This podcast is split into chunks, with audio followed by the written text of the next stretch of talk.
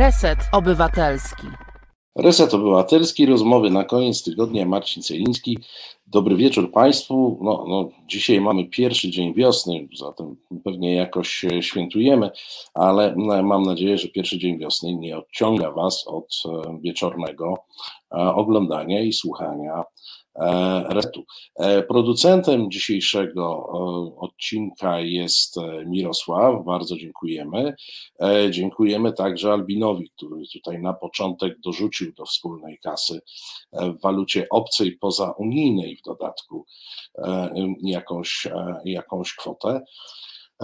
Na dobry początek, jak Albin napisał, bardzo dziękujemy. Proszę Państwa, ubiegły tydzień to duże E, emocje, to ważne głosowanie, ważne głosowanie w sprawie e, mm, i Krajowego Planu Odbudowy i Funduszu Odbudowy Unijnego, e, głosowanie wiążące te, te sprawy.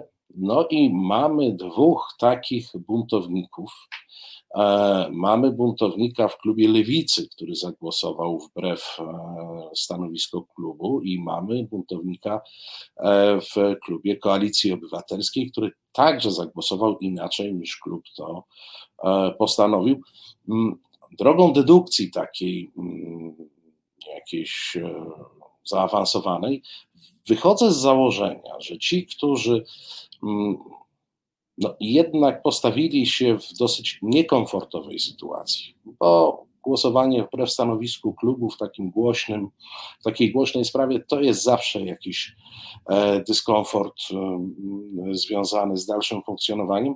Zakładam, że tacy ludzie najdłużej nad tym głosowaniem myśleli i mają to e, najlepiej przemyślane, dlatego dzisiaj zauważcie, że po raz pierwszy w tym paśmie pojawiają się politycy, dlatego dzisiaj tych dwóch polityków zaprosiłem do studia. To jest Andrzej Rozenek z klubu Lewicy. Dobry wieczór. Dobry wieczór. I to jest Franek Sterczewski z klubu Koalicji Obywatelskiej. Dobry wieczór. Dobry wieczór, witam serdecznie. Słuchajcie, dzisiaj poza wszystkim innym z kwestii europejskich mamy także Dzień Europy. E, na pamiątkę pierwszej deklaracji Schumana, która wzywała i poniekąd wyznaczała cele e, przy tworzeniu wspólnoty. No to zapytam Was na początek, czym dzisiaj jest e, Europa? Takie trzy jej cechy. Zaczniemy od Andrzeja Rozenka. Hmm. Ja nawet na ten temat dzisiaj rozmawiałem z Twitterowiczami, którzy mnie obserwują i wywiązała się bardzo ciekawa dyskusja. Rzuciłem tam kilka takich punktów, które moim zdaniem świadczą o tym, czym jest dla nas Europa, i poprosiłem o opinię. I okazuje się, że e, wyszły z tego dwie rzeczy. Po pierwsze, dla nas Europa e, oznacza przede wszystkim bez, bezpieczeństwo, i to w wielu wymiarach, bo również w, tym zakresie to jest pokój, w sensie pokoju militarnego, ale też bezpieczeństwo ekonomiczne, co myślę, że nie, nie jest bez znaczenia. Europa oznacza dla nas y, strefę Schengen, choć wiem, że oczywiście to z Unią Europejską wprost nie jest wspólne, ale jednak dzięki temu, że jesteśmy krajem Unii Europejskiej, mogliśmy do tej strefy Schengen wejść i ją współtworzyć. I to na pewno wszyscy bardzo doceniają. No i trzecia e, rzecz to są różne wartości, na, ludzie, na które ludzie e, zwracają uwagę, bo te dwa pierwsze e, elementy są bardzo praktyczne. Natomiast trzecia rzecz to już jest cały zbiór wartości, takich jak wolność, jak wolne media, solidarność, no i wiele innych wartości, z którymi w zasadzie każdy myślący człowiek powinien się utożsamiać. Przy okazji wywiązała się też trochę dyskusja na temat przyszłości Unii i tego, jak Unia Europejska powinna się zmieniać. I tutaj przeważające głosy wśród moich akurat obserwujących y, mówią o dalszej integracji, o postępie integracji.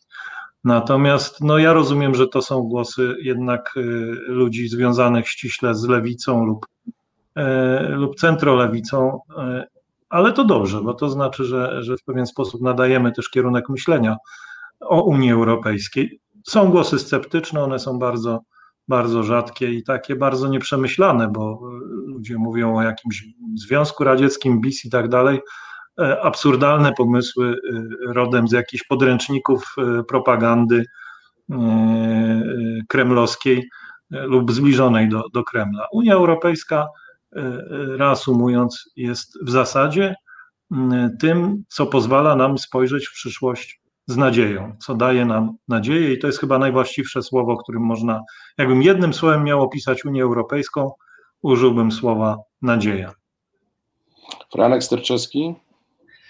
No, trudno jest powiedzieć w jednym słowie, w jednym zdaniu w zasadzie, e, czym właśnie jest Unia, bo dla mnie to jest po prostu taka paleta wartości, z której faktycznie każdy i każda z nas znajduje coś dla siebie. I to jest myślę, że właśnie wartość e, sama w sobie, że e, tyle jest tu treści, tyle jest tu plusów po prostu z bycia w Unii, że, że faktycznie można, co osoba to, to inne inny powód do, do przywiązania. No.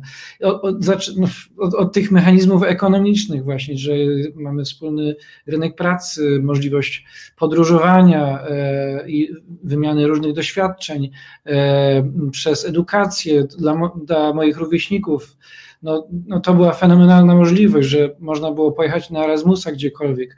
E, teraz e, bardzo ważny jest też ten Europejski Zielony Ład, który też jest nadzieją na e, ograniczenie emisji dwutlenku węgla, czyli ta no, powiedzmy no, współpraca międzynarodowa, coś, co powoduje, że Europa no, globalnie współpracując ze sobą ma większe znaczenie, z czego mamy i profity osobiście jako obywatele, obywatelki, ale również no, e, mamy szansę e, no, prze, przeciwdziałać różnym zagrożeniom, takim jak właśnie kryzys klimatyczny czy pandemia i, i tylko w, we większej współpracy możemy sobie z większymi wyzwaniami radzić. No, tak jak Andrzej wcześniej wspomniał, również jeśli chodzi o kwestie militarne, no, mamy okres najdłuższego pokoju, w ramach e, państw e, członkowskich e, w Unii Europejskiej od, od nie wiem jak wielu lat. Także to jest gigantyczna wartość, ale poza tymi rzeczami właśnie takimi naturalnymi, które właśnie wszyscy mówimy jednym tchem, rynek pracy, Erasmus, otwarte granice, to również Unia Europejska to są też po prostu wartości, właśnie praworządność, to, że E, mamy wspólny system sądownictwa, z którego no niestety nasza obecna władza próbuje uciekać, ale, ale to, że e, instytucje unijne, Trybunał w, w Strasburgu, Trybunał w Luksemburgu e, wciąż wywierają presję, powoduje, że, no, no, no że, że że, że, że to, że, no, że y, mamy tą ochronę, ten parasol właśnie y, prawa wszystkich obywateli właśnie do niezawisłego sądu, y, ale, ale również właśnie prawa człowieka, tak, prawa osób LGBT, plus, które również są, że instytucje europejskie również reagują w sytuacji, kiedy są w, w Polsce wprowadzane strefy, tak zwane strefy wolne od LGBT i tak dalej. Także, e, także tutaj no oczywiście, tak jak Andrzej powiedział, to jest nadzieja, to jest wolność, ale no, ja, ja może powiem tak, no, dla mnie to jest też po prostu świat, tak? Europa no, w takim e, nie w europocentrycznym, że tu jesteśmy pępkiem świata, e, jak to też niestety na wielu mapach jest narysowane, tylko w takim sensie, że E, no, no to jest wspólnota kultur, wspólnota doświadczeń, dziedzictwa, e, tej, no myślę, że pięknej historii, tak, e, i, i, i to jest wielki zasób, wielki, wielka wartość, no, z której po prostu wszyscy powinniśmy być dumni i, i, w tej różnorodności po prostu być silni. I też, i też wydaje mi się, że no, po, spróbuję postawić taką tezę, że po prostu opozycja powinna być tak jak Europa, po prostu silna w różnorodności. No, to, to, ale to już do tej puenty jakiejś, to my dojdziemy. To jest dopiero początek rozmowy, spokojnie, spokojnie. E, cieszę się, że żaden z Was nie powiedział o tym, że Europa to są dotacje, bo czasami czytając polską prasę, czy oglądając polskie e, telewizje, słuchając radia mainstreamowego, można dojść do wniosku, że ta Europa to jest tylko taki, taki bankomat, taki koszyk e, z kasą, który można by było można by było eksploatować. No ale przejdźmy do tej kasy, bo w sumie o, o kasę w ubiegłym tygodniu także chodziło, o fundusz odbudowy. No to może najpierw, najpierw spytam Ciebie, Franku.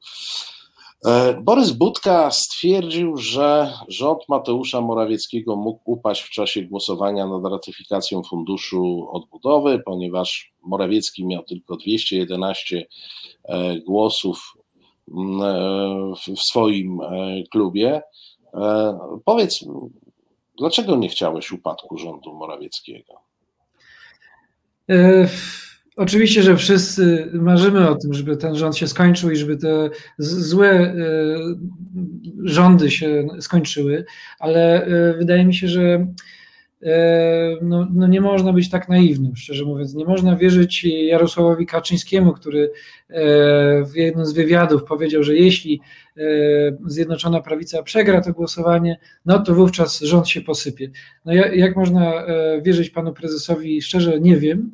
E, ale oczywiście była tu taka teoretyczna możliwość, tak, że gdyby faktycznie opozycja się zjednoczyła, gdyby przekonała Gowina, gdyby udało się ustalić, że na przykład kandydatem na premiera mógłby być e, e, Kośniak-Kamysz. Gdyby no tak, taki scenariusz nam Budka przedstawiał i nie tylko Budka, no także inni tak. twoi koledzy, koleżanki, koledzy z, z klubu. I ten pomysł jest na tyle świetny, na tyle mm, ciekawy i na tyle ważny do rozmowy, do rozważania, na ile faktycznie Y, opozycja jest w stanie się pod nim podpisać. Jeśli y, wszystkie kluby opozycyjne nie, nie, nie wypracowały tu wspólnego stanowiska, nie, nie, nie miały poważnej rozmowy między sobą, jeśli nie potraktowały się wystarczająco po partnersku, no to wówczas y, każdy poszedł inną, inną drogą, każdy po, postawił na, na swoje, każdy spojrzał na swój czubek nosa, więc ten plan okazał się być political fiction, ale wiedzieliśmy o tym już od, y, nie od tego wtorku, w którym głosowaliśmy, tylko już tydzień wcześniej, jak widzieliśmy, że Lewica dogadała się z, z PiSem, więc wiedzieliśmy, że ten plan upada, w związku z tym y, no byłem ciężko zdziwiony, że wciąż byli tacy, którzy y, wierzyli, że ten upadek jest możliwy. I, i też mnie dziwi ta ciągła naiwność wobec e, tego, że może Gowin otworzy oczy i może przejdzie na stronę opozycyjną wydaje mi się, że już trochę robi się późno na taki optymistyczny, scenariusz, więc no, to wszystko mnie bardzo, bardzo dziwi. Ale to, co mnie chyba dziwi najbardziej, że opozycja, mam wrażenie, tu nie, nie tylko, y, nie tylko y, ta bliższa mi z mojego klubu, ale tak szerzej, mam wrażenie, że nie, nie słucha naszej noblistki Olgi Tokarczuk, która mówi, że po prostu no, wygrywa ten, kto ma kto snuje opowieść, kto ma spójną opowieść o świecie. I mam wrażenie, że wciąż mamy problem z tą komunikacją i z. E, no i w tym i ta, ta cała historia wokół Funduszu Odbudowy no dowodzi temu. E, no, we wrześniu nasi e, demokratyczni europosłowie zagłosowali za tym funduszem. Tak? Powinna być duża kampania mówiąca o tym, że my, wspólnie opozycja, naciskamy na rząd, e, wywieramy presję i mówimy, że my tu e, jako największe siły proeuropejskie oczekujemy od tej e, autorytarnej władzy poparcia tego Europejskiego Funduszu. To się nie stało. We wrześniu Borys Budka mówił, że trzeba to poprzeć. Potem jednak pojawił się ten pomysł, a może rząd powinien upaść, czy może to jest szansa, żeby upadł. I, a, a potem, skoro, skoro lewica wyrwała się też, wyszła przed szereg, no to wówczas trzeba być przeciwko lewicy, przeciwko PiSowi, ale dla mnie to było zupełnie niezrozumiałe. Uważam, że dyscyplina klubowa w moim przypadku była błędem, w przypadku mojego klubu była błędem, no była taką próbą wyjścia z twarzy z tych niepotrzebnych dyskusji. Ja rozumiem dyscyplinę w imię jakichś ważnych wartości, tak? E, na przykład uważam, że dyscyplina mogła być, żeby nie głosować przeciw, żeby nie, nie być jak eurosceptycy Ziobro i Konfederacja, ale tutaj e, no, no była to, nie, nie rozumiałem w, w imię czego, w imię skoro wszyscy obywatele, obywatelki z wszystkich sondaży to wskazywało, oczekują poparcia, no to powinniśmy to poparcie wyrazić. A jasne, że ten krajowy plan odbudowy nie jest idealny, wymaga poprawy i, i jest wiele słusznych postulatów, które zgłaszała e, i Koalicja Obywatelska, i Lewica i tak dalej. I, I to wszystko mogłoby wejść i realistycznie zaistnieć w tym planie odbudowy, ale warunkiem był e, szeroki wspólny front opozycji, który się e, nie wydarzył, a skoro ten warunek nie zaistniał, no to to głosowanie e, w zeszłym tygodniu miało tyle znaczenie, że każdy z nas po prostu e, decydował, co ma tak naprawdę do powiedzenia tym głosowaniem swoim wyborcom. Ja, ja rozumiem decyzję Andrzeja, że zagłosował wbrew swojemu klubowi. Ja być może zrobił tak samo. I też bym tym głosem starał się wyrazić sprzeciw wobec takiego dogadywania się za, powiedzmy, za zamkniętymi drzwiami. Też tu mam pretensje do stylu, w jakim się to wydarzyło. No, ja swoją decyzję konsultowałem ze swoimi wyborcami na różnych mediach społecznościowych, rozmawiałem z europosłami i bardzo mnie zdziwiło to, że tutaj kierownictwo klubu rozminęło się z oczekiwaniami społecznymi, więc, e, więc to jest po prostu lekcja dla nas wszystkich, i, którą musimy odrobić. I może tu postawię przecinek, przepraszam, się trochę rozgadałem. No i y, żeby jeszcze domknąć tematy mm, klubowo-partyjne, e, no to Andrzejowi należy się cytat z lidera. W wywiadzie chyba dla TVN Włodzimierz Czarzasty e, powiedział, czy pan uważa, tak się zwrócił do redaktora, e, z którym rozmawiał, że jakikolwiek odpowiedzialny polityk zagłosuje przeciwko 770 miliardom złotych dla Polski? E, no to mm, pytanie do Andrzeja Rozenka. To, czy ty jesteś odpowiedzialnym politykiem, czy jesteś nieodpowiedzialnym zdaniem Czarzastego? Zagłosowałeś przeciwko. Nie, wstrzymałem się. No wstrzymałeś się, no ale. Jednak y, wstrzymanie się to nie to samo, co głosowanie przeciwko. Y, choć no, warto y, powiedzieć, czego tak naprawdę to głosowanie w moim przypadku dotyczyło. Ja jestem bardzo za funduszem odbudowy. Jestem za dalszą integracją Unii Europejskiej, a ten fundusz pozwala na głębszą integrację Unii Europejskiej. I to jest jego największy plus. To, że właśnie dzięki temu będziemy w przyszłości mogli mówić o centralizacji, o tym, że będziemy jako wszystkie państwa unijne mo mogli współtworzyć y, większy budżet, który będzie przeznaczany na ważne cele. No ale z drugiej strony, każde głosowanie dzieje się i odbywa w jakimś otoczeniu politycznym. I to otoczenie polityczne w moim przypadku było dla mnie mocno y, niekorzystne i odczuwałem ogromny dyskomfort, w związku z tym, że władze mojej partii bez porozumienia z klubem postanowiły pokryjomu e, spotykać się z e, ludźmi, z którymi generalnie w ogóle dla zasady nie powinno się siadać do stołu. Otrzymałem mnóstwo, setki, a może nawet tysiące e, głosów od swoich wyborców, I to nie tylko od wyborców e, takich, co głosują i potem się polityką nie interesują, ale również od takich, którzy zajmują nawet czasem wysokie funkcje w mojej partii. I wszyscy mówili: Andrzej, co wyście zrobili? Dlaczego usiedliście do stołu z tymi ludźmi, którzy przed chwilą wysłali policję, żeby biła kobiety? Którzy przed chwilą mówili, że LGBT to nie ludzie, którzy y, przed chwilą zniszczyli życie 55 tysiącom emerytów mundurowych, którzy jeszcze niedawno y, mówili o tym, że reformują sądownictwo, a de facto te sądownictwo próbują upolitycznić i sobie podporządkować, którzy zniszczyli Trybunał Konstytucyjny, którzy wreszcie nie robią nic innego, tylko prowadzą pełzający polexit y, poprzez politykę medialną, poprzez dezinformację i manipulację informacją, doprowadzają do tego, że coraz więcej ludzi jest eurosceptycznych, coraz mniej ludzi ufa Unii Europejskiej. No, czy z takimi ludźmi się powinno paktować i przede wszystkim, czy powinno się to robić po kryjomu i bez pozostałej części opozycji? No, dla mnie odpowiedź jest prosta: nie powinno się tego robić.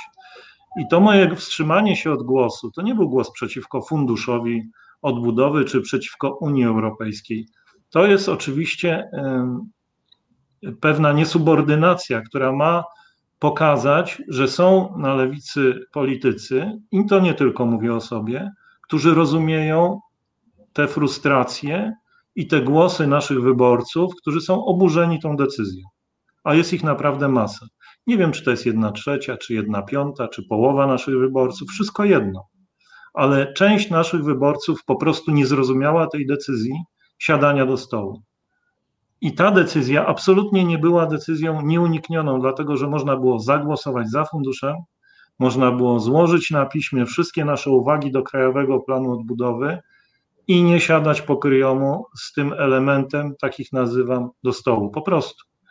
Tego oczekiwałem od kierownictwa. Kierownictwo postanowiło inaczej e, i tu nasze oczekiwania się rozminęły, ale oczywiście nadal chcę być w lewicy, nadal chcę tworzyć lewicę europejską, nowoczesną i mam nadzieję, że ten mały zgrzyt nie oznacza tutaj żadnego ani rozpadu, ani odchodzenia. Nie mam zresztą takich sygnałów. Mam nadzieję, że będzie to lekcja dla nas wszystkich, z której wyciągniemy jakieś wnioski. I to ja wyciągnę wnioski, że być może trzeba naciskać na kierownictwo, żeby y, mocniej i szerzej przegadywać wszystkie decyzje, a kierownictwo może wyciągnie takie wnioski, że trzeba słuchać bardzo uważnie swoich wyborców, bo nie ma partii, bez wyborców. Partia może podejmować najmądrzejsze w jej mniemaniu decyzje, ale jeżeli to nie trafia do y, świadomości wyborców i wyborcy tych decyzji nie rozumieją, to prędzej czy później taka partia odchodzi do historii. A ja nie chcę, żeby moja lewica odeszła do historii. Stąd była ta niesubordynacja. I zdaje mi się, że ona została dobrze odczytana przez, przez wyborców lewicy. Nie słyszałem głosów pod tytułem Rozenek zwariowałeś, głosujesz przeciwko 750 miliardom E, złotych, bo to, bo każdy wie, że zna mnie, tak? Ja nie jestem eurosceptyczny, wręcz niektórzy mi zarzucają, że zbyt jestem zapatrzony w Unię Europejską. Tu nie o to chodziło. Tu chodziło po prostu o nasz stosunek do reszty opozycji i do PiSu jako szkodniczej partii, która, jak to ładnie powiedział Ryszard Kalisz w jednym z wywiadów, nie jest normalną, zwyczajną partią. To nie jest już partia, która szanuje gry, szanuje reguły gry, szanuje warunki demokratyczne, y, szanuje porządek prawny. To jest partia, która destabilizuje Polskę i w sposób ukryty realizuje, y, realizuje agendę Kremla. W związku z tym dla mnie tacy ludzie są pozbawieni po prostu możliwości negocjacyjnych. Nie powinniśmy z nimi siadać do stołu. Generalnie wydaje mi się, że opozycja powinna cały PiS otoczyć takim kordonem sanitarnym i traktować ich raczej jak e, obcy element, e, element antypaństwowy, no bo przecież to, co PiS robi, Polsce szkodzi, a nie pomaga, zatem trzeba z tego wyciągać e, jasne, proste wnioski. No i to tyle. Myślę, że nawet przez moment byliśmy blisko tego kordonu sanitarnego, ale właśnie w ubiegłym tygodniu zrobiliśmy krok wstecz i to, e, i to dosyć duży. E, zrobimy teraz e, Państwu i sobie chwilę przerwy muzycznej, ale nie odchodzimy, nie uciekamy. Proszę Państwa, za moment wracamy do rozmowy. Słuchasz Resetu Obywatelskiego. Reset Obywatelski działa dzięki Twojemu wsparciu. Znajdź nas na zrzutka.pl.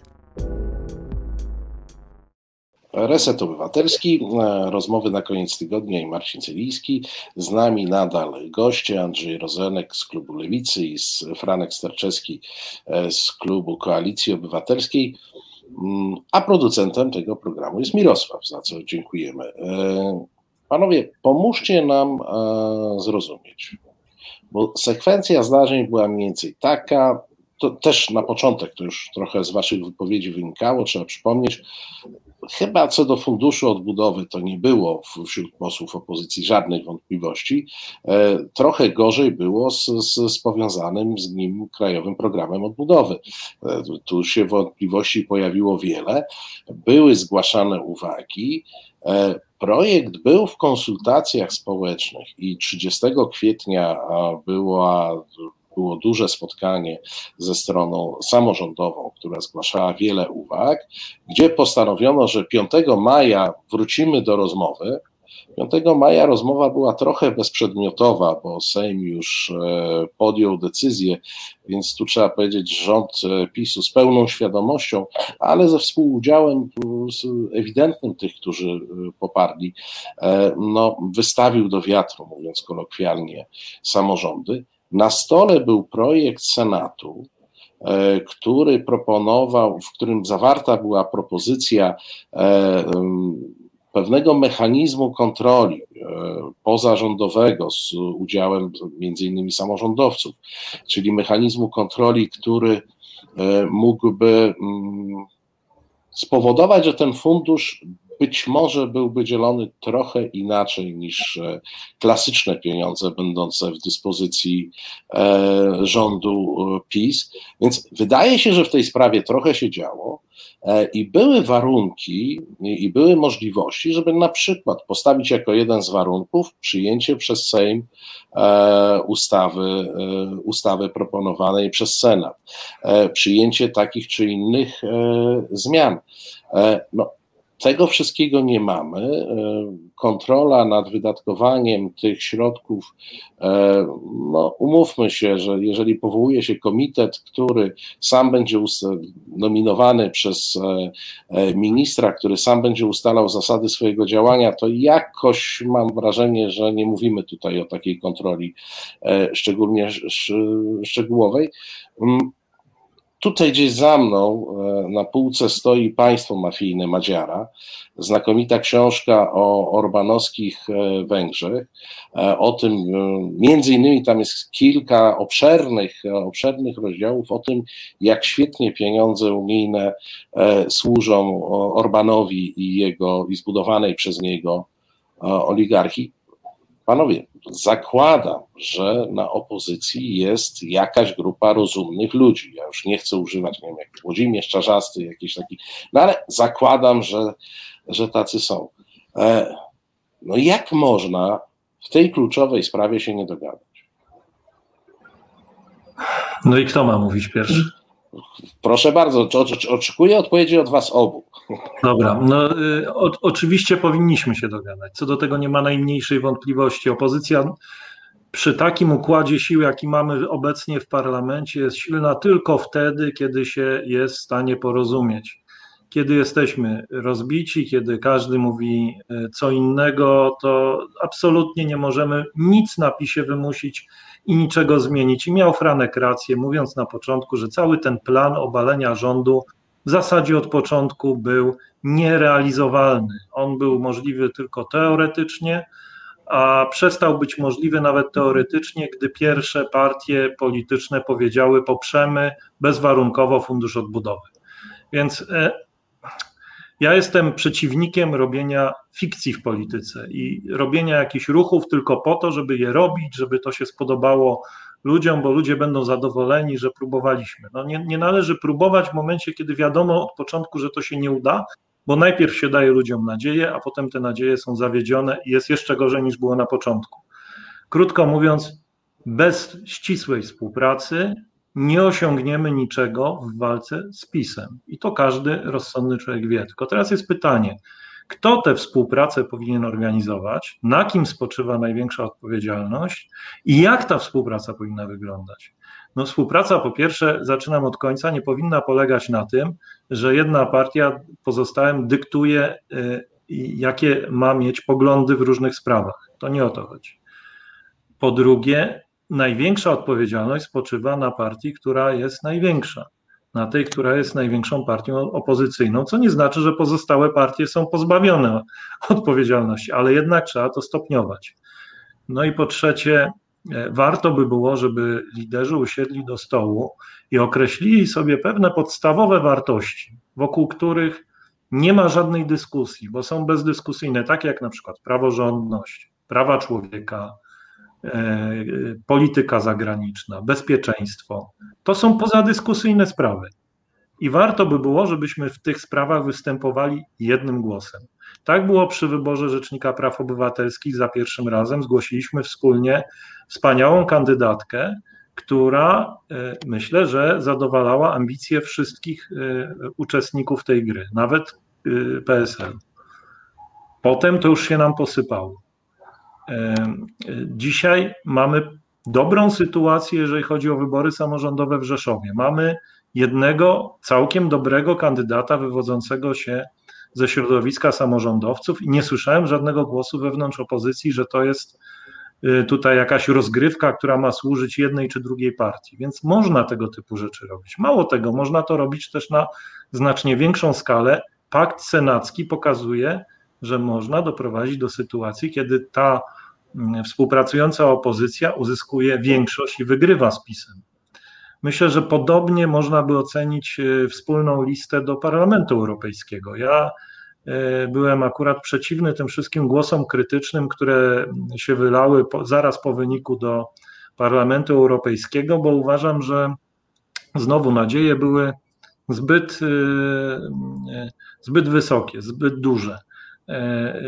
Efekt, który osiągnął Grzegorz Schetyna i liderzy pozostali E, pozostałych ugrupowań był naprawdę efektem zdumiewającym. Myśmy mogli wygrać wtedy z PiSem, gdyby jeszcze się udało dołączyć do tego grona Roberta Biedronia. Niewiele brakowało, naprawdę niewiele brakowało.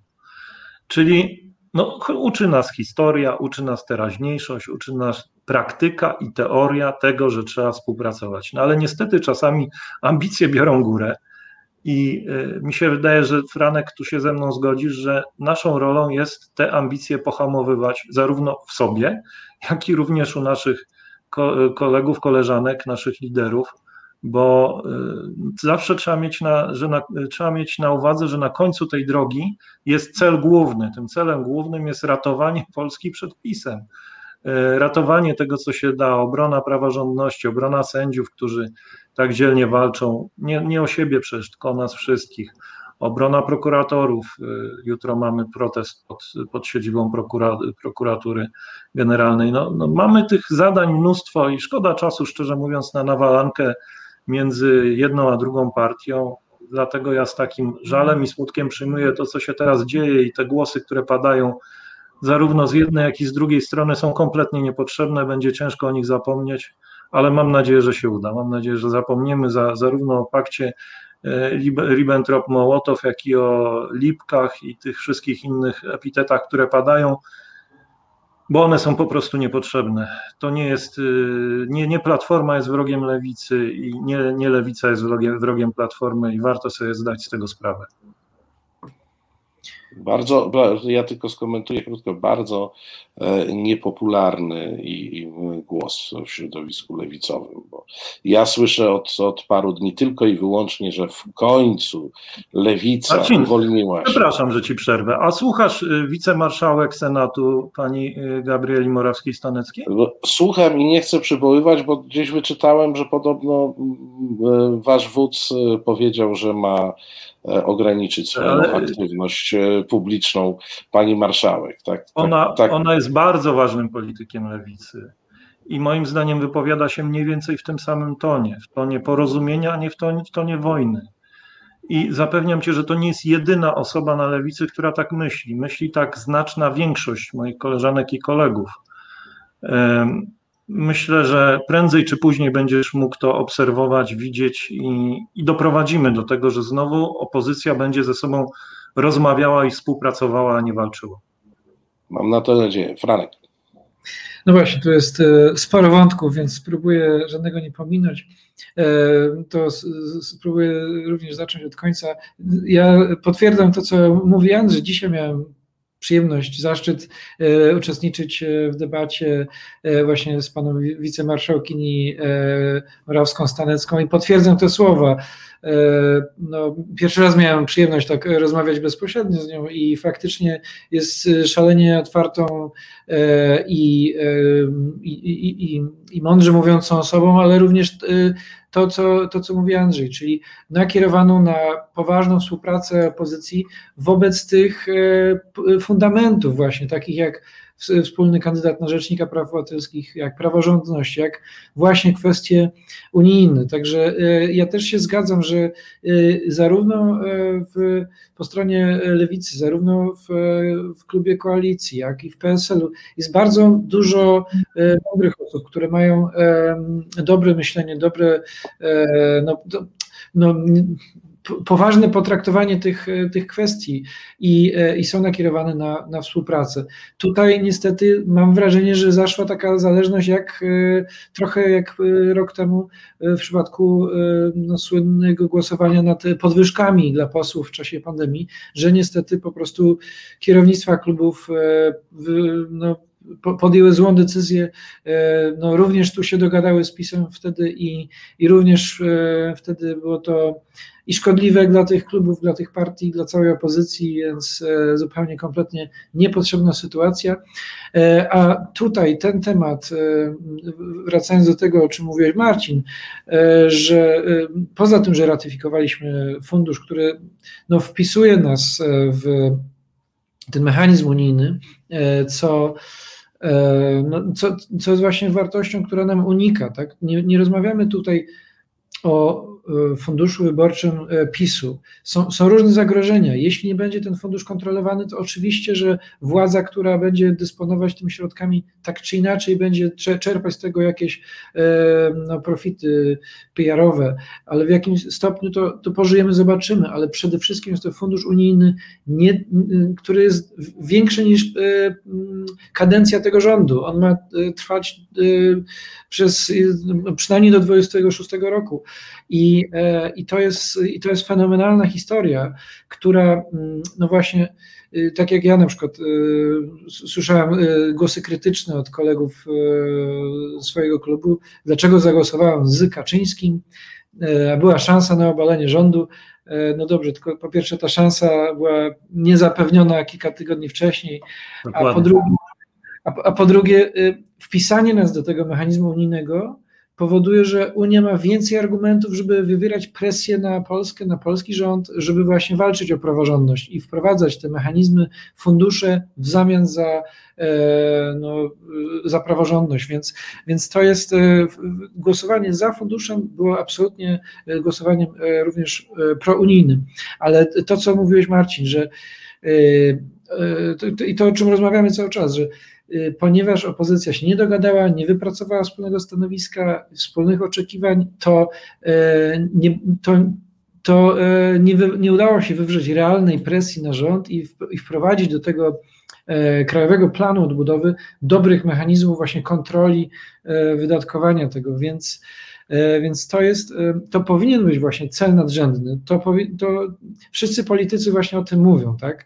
Wszyscy mówią, mieliśmy szansę i teraz te fundusze będą źle kontrolowane, będą obajtki z tego korzystały, to e, będzie finansowane tylko w gminach, e, w samorządach e, propisowskich, ale skoro oni tak głośno o tym mówią, skoro mówią, że to jest takie ważne, dlaczego nie wykonali tej pracy przez ostatnie tygodnie, po to, żeby poważnie spotkać się z innymi partiami opozycyjnymi, faktycznie wypracować stanowisko. No, niestety no, e, było tak, że e, każdy lider, czy szefostwo każdego grupowania stwierdziło, gramy na siebie, e, koalicja po prostu miała swoje postulaty zaprezentowane na, na konferencji prasowej. Ja się ze wszystkimi zgadzam, są fajne i mądre, ale, ale no nie może być tak, że inne ugrupowania też chcą E, współpracy, a, e,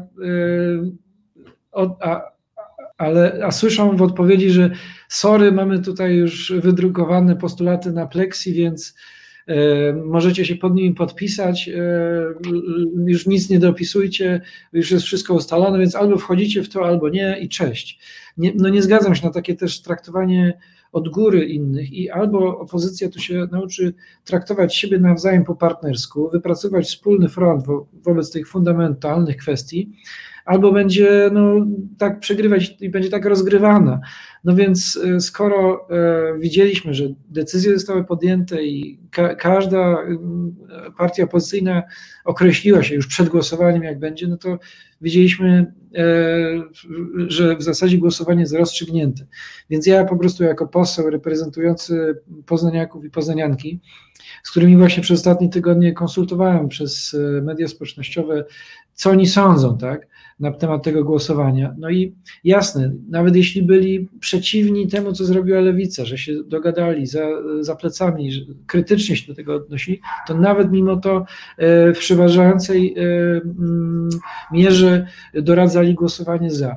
No więc ja, ja do końca też e, wahałem się, co zrobić. Rekomendowałem wszystkim, żeby jasne, popierali to, no bo, bo trudno Mm, żeby właśnie proeuropejska e, siła polityczna no nie popierała rozwiązań unijnych, ale właśnie nie ma tych zabezpieczeń. No więc siadam do głosowania. No i mogę powiedzieć tak, bo, e, jeśli chodzi właśnie o KPO, które jest no, sprawą e, pokrewną, osobną, ale związaną z to, tym głosowaniem, no bo to głosowanie było okazją do wywarcia presji na KPO, ale, ale to są rzeczy Y, y, odrębny, no to ja to, ja to powiem tak, że szklanka była do połowy pusta, do połowy pełna, tak? Y, tu mamy gigantyczne no miliardy złotych, miliardy euro na kolej, na ochronę zdrowia, na odbudowę gospodarki po pandemii, na coś, co naprawdę jest ważne dla ludzi, tak? Jeździłem dzisiaj po Warszawie i faktycznie ludzie wychodzą na ulicy, pożądają tego życia, pożądają jakiegoś powrotu do, do normalności i wszyscy chcemy tej odbudowy państwa. Tak? Tutaj racja, zabrakło e, tych dobrych postulatów, e, które e, wielu grupowań apelowało, tak? E, wpisania się do prokuratury europejskiej, e, żeby zdecentralizować rozdawanie tych, tych funduszy, żeby to było bardziej samorządowe, żeby było więcej inwestycji e, w, w ludzi, a niekoniecznie w infrastrukturę, co NGOsy, które brały udział w tych konsultacjach dosyć takich powierzchownych, postulowały. Więc jasne, szklanka była też do połowy pusta ale suma summarum uznałem, że lepiej mieć szklankę jakąś niedoskonałą niż, niż żadną. Czasem lepszy wróbel w garści niż, e, niż gołąb na dachu. Ale uważam, że to, co jest najgorsze, co się wydarzyło w tej, e, podczas tej debaty, poza tą niechęcią, która wzrosła tak między e, no, powiedzmy platformą, lewicą i, i tak dalej, to, to jest to skandaliczne rzucanie wyzwiskami, kto jest targowicą, kto jest zdrajcą, a kto wrogiem ojczyzny. Uważam, że to naprawdę trzeba skończyć. Ale, ale poza tym złe jest to, że cały czas mówimy tutaj o funduszach, mówimy o środkach, że ta debata jest właśnie traktowaniem Unii jako bankomatu. I, a, a, Unia to wartości, Unia to praworządność, to prawa człowieka i, i to jest to, czego nie możemy stracić e, z oczu, bo jeśli te fundusze się skończą, jeśli ludzie będą traktować ten fundusz tylko właśnie jako e, rzecz pisowską i będą sprzeciwiali się temu, to też będzie powodowało spadek zaufania do Unii. W związku z tym to w jakiejś niedalekiej przyszłości może być również powodem do jakiegoś polexitu. Nie możemy na to pozwolić. I, i dlatego ja, ja uważam, że tak, ten fundusz będzie wprowadzony, krajowy plan odbudowy nie jest idealny, ale my jesteśmy po to, żeby wygrać wybory i powiedzieć jasne, mamy lepszy pomysł na ten fundusz, mamy lepszy pomysł na te środki. Jak wygramy wybory, stworzymy lepszy KPO, lepiej to rozdysponujemy, no bo po prostu y, myślimy w sposób bardziej demokratyczny, propaństwowy, a nie partyjny, więc po prostu potrzebujemy tu pozytywnej opowieści, potrzebujemy ludziom dawać nadziei i nie możemy przy tej debacie właśnie wyzwalać jakichś demonów e, właśnie antyeuropejskich, też antypaństwowych, tak? Bo, no bo czy gdybyśmy dzisiaj decydowali o wejściu do Unii Europejskiej, mając taki, a nie inny rząd, no to czy również głosowalibyśmy przeciw? No, A nas, by w tej, nas by w tej chwili nikt nie zaprosił do Unii Europejskiej, więc to jest bardzo teoretyczne.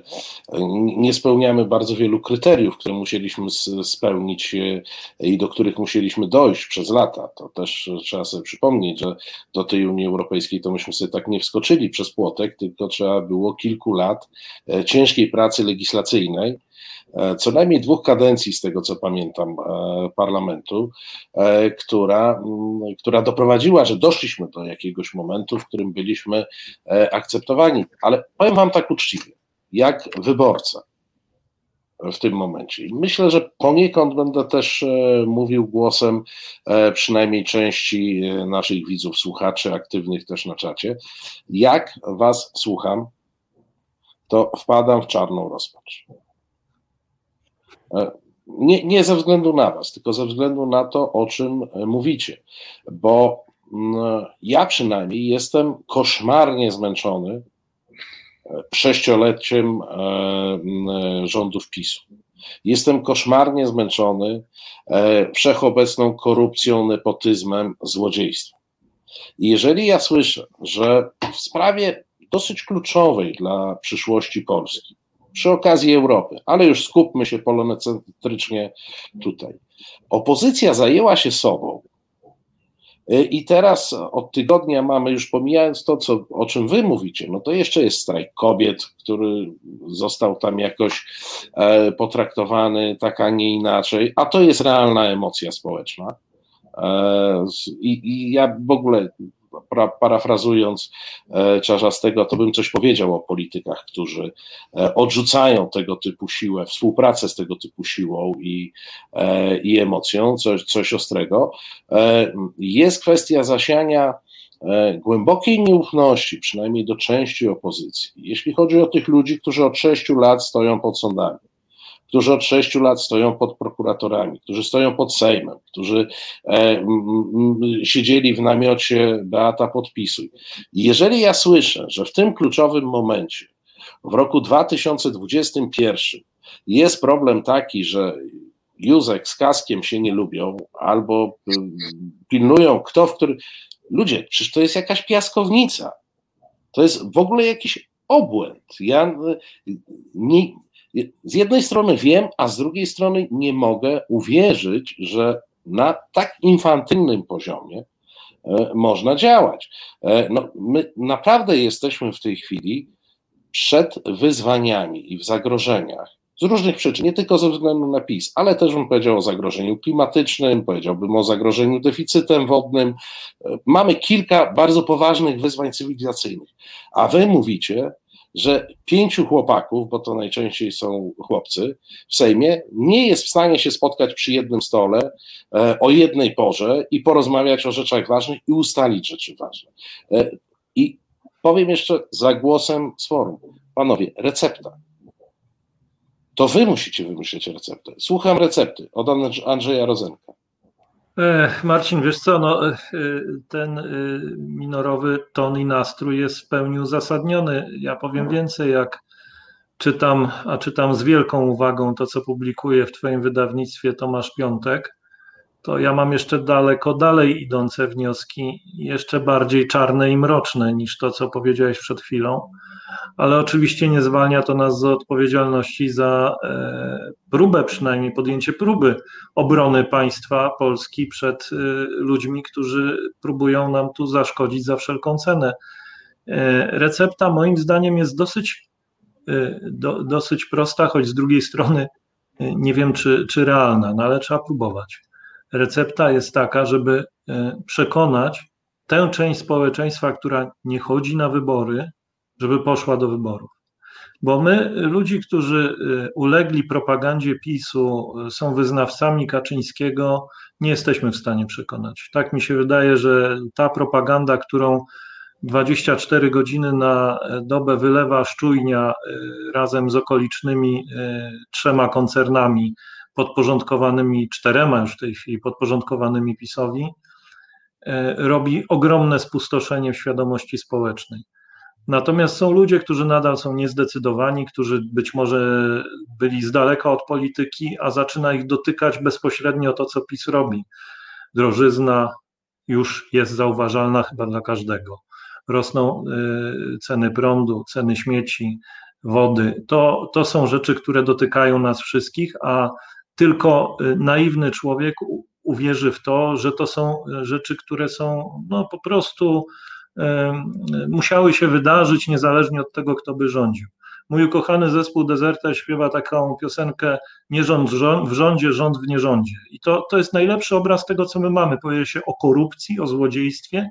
Tak, oczywiście, mamy tak niebywałą korupcję i złodziejstwo, złodziejstwo jakiej nie było od 30 lat. Mamy napaść na służby specjalne, które kompletnie już nic nie robią w tej Których sprawie. już nie ma. Mamy napaść na prokuraturę, która jest totalnie podporządkowana politykom, nie potrafi nawet podstawowych spraw przeprowadzić, które, które powinna przeprowadzić, żeby doprowadzić na przykład kilku przestępców no, do więzienia. Broni się jeszcze wymiar sprawiedliwości z sądami, bo sądownictwo nadal jest niezawisłe, ale to też musimy o to walczyć. Jak przekonać tych wyborców? No przede wszystkim poprzez, poprzez media, te nasze media, które, których jest niestety coraz mniej. Między innymi to, co ty robisz, to jest takim dziełem właśnie, które może być niezwykle niezwykle w tym pomocne i wiem, że jest więcej takich miejsc, w których można mówić prawdę i, nad, i, i nadal będzie to można robić mimo postępującej agresji na media tego rządu. Więc to jest jakaś ścieżka. To, co ty robisz, pokazujesz pewną drogę, a my, politycy, powinniśmy ci w tym jak najbardziej pomagać, nie tylko własną obecnością, ale również w inny sposób. I będę na ten temat na pewno z kierownictwem mojej partii też rozmawiał, żeby zastanowić się na poważnie, jak możemy wspomóc niezależne, wolne media. A drugą sprawą, którą, którą koniecznie powinniśmy wspierać, to jest społeczeństwo obywatelskie, bo tylko dzięki temu, tylko dzięki ludziom, którzy potrafią się samoorganizować, jesteśmy w stanie zorganizować opór, opór obywatelski, bo my musimy zacząć na poważnie zastanawiać się, jak, w jaki sposób ten opór zorganizować, co zrobić, gdy najbliższe wybory, kiedykolwiek one się nie odbędą, czy się odbędą za rok, czy za dwa i pół roku, co zrobić, gdy zostaną sfałszowane? Jak się zachować wtedy? Bo naprawdę nic nam nie daje podstaw do tego, żeby ufać tej władzy. Ja naprawdę z, z, wielkim rozgoryczeniem przyjąłem słowa niektórych moich kolegów, którzy powiedzieli: No, pan premier nam coś obiecał. Pan premier, który zasłużył sobie już w internecie na ksywę kłamceusz i bardzo pracowicie sobie zapracował na, na to określenie, który doprowadził do tego, że fundusz Sprawiedliwości trafił w, ręce ministra Ziobry i wiemy, jak minister Ziobro ten fundusz potraktował, jak fundusz własnej partii, który doprowadził do tego, że Fundusz Inicjatyw Lokalnych trafił w większości do tych samorządów, gdzie rządzi PiS. No i ufanie takim ludziom po prostu wydaje mi się dziecięcą naiwnością. I masz rację, że tutaj jest piaskownica, tylko że znowu, no błagam, nie wylewajmy dziecka z kąpielą. Jak się obrazimy jako społeczeństwo na całą opozycję i na demokratyczny ustrój, to co nam pozostanie wtedy? Jakie wyjście z tej sytuacji? Jak się obrazimy na to, co robią wolne media, to co nam zostanie? Będzie już tylko szczujnia, będzie już tylko ten zamordystyczny rząd, będzie postępująca dyktatura. Przecież to, że my się kłócimy na opozycji, zadowala w zasadzie tylko jedną osobę w tym kraju. Ten mały tyranek z Żoliborza nic innego nie robi, tylko zaciera łapki od kilku dni. On jest, jest jak myślę, w euforii teraz. Jemu się wydaje, że osiągnął szczyty po prostu możliwości politycznych, bo udało mu się skłócić całą opozycję ze sobą. Ale chcę powiedzieć, że to jest, to jest przejściowe. Ja jestem przekonany, że dojdzie do porozumienia. Jestem przekonany, że uda nam się obalić ten rząd prędzej czy później. Mam nadzieję, że w demokratycznych wyborach. A potem będziemy musieli mieć naprawdę pełne szuflady dobrych pomysłów, żeby, żeby naprawić to państwo. I tu pani Olga pytała na czacie, czy mamy jakieś plany, jak, jak to państwo naprawiać. Otóż chcę pani Olgo powiedzieć rzecz, które, o której mało ludzi wie, bo to jest taka trochę nasza tajemnica wewnętrzna pracują zespoły złożone z przedstawicieli opozycji, które pracują nad konkretnymi tematami, dziedzinami życia społecznego i gospodarczego. I te zespoły mają za zadanie wypracowanie pewnej wspólnoty programowej dla wszystkich partii opozycyjnych i mam nadzieję, że ta praca nie pójdzie na marne. Ja pracuję akurat w, tej, w tym zespole, który dotyczy bezpieczeństwa państwa. Mamy tam znakomitych przedstawicieli wszystkich trzech partii opozycyjnych czterech w zasadzie i mamy, i mamy świetnych ekspertów. I musi z tego wyjść coś mądrego i dobrego. Jest pytanie tylko kiedy i jak będziemy mogli to zrealizować. Franek, coś dodasz? Ja po pierwsze zgadzam się z tą diagnozą i z tym, że to są rzeczy, o których po prostu musimy mówić I to jest pierwsza misja dla nas, czyli ta misja informacyjna, edukacyjna i, no i właśnie uświadamiająca ludzi, z czym mamy do czynienia, z, gdzie są nadużycia władzy i z czym nie możemy się zgadzać. I, i również kiedy no, i, i, również kiedy no, dzieją się protesty, kiedy ludzie są na ulicach, czy to pod Sądem Najwyższym, czy to na mm, strajkach kobiet, i tu się zgadzam z, z Marcinem, że bardzo źle się stało, że też strajk kobiet e, jakoś tak się tutaj podzielił i e, jedni poparli, drudzy e, poszli, poparli jednych, poparli drugich. Prawa kobiet to również ten, jest tą wartością, w której zarówno osoby, liberałowie z socjalistami powinni razem współpracować, bo, bo, bo tylko razem możemy o te prawa kobiet zawalczyć. Ale poza tą kwestią właśnie informacyjną i tym takim powiedzmy gaszeniem pożarów, tak, bo ja, ja to też tak rozumiem, że my pełnimy funkcję trochę ochotniczej straży pożarnej, która reaguje, jak coś się dzieje, jak ktoś jest bity pałką, e, opryskany gazem łzawiącym, no to jedziemy, e, staramy się e, doprowadzić funkcjonariuszy policji odpowiedzialnych za tę sytuację do odpowiedzialności, pomóc obywatelom, obywatelkom, żeby, żeby mieli dobrą opiekę prawną na komisariacie lub, lub w każdy inny sposób, więc po prostu gasimy pożary, staramy się być ludźmi ale, ale, ale, ale uważam, że mm, kluczem jest tu komunikacja, w takim sensie, że musimy mieć e, przekaz, musimy mówić do ludzi, musimy z nimi rozmawiać.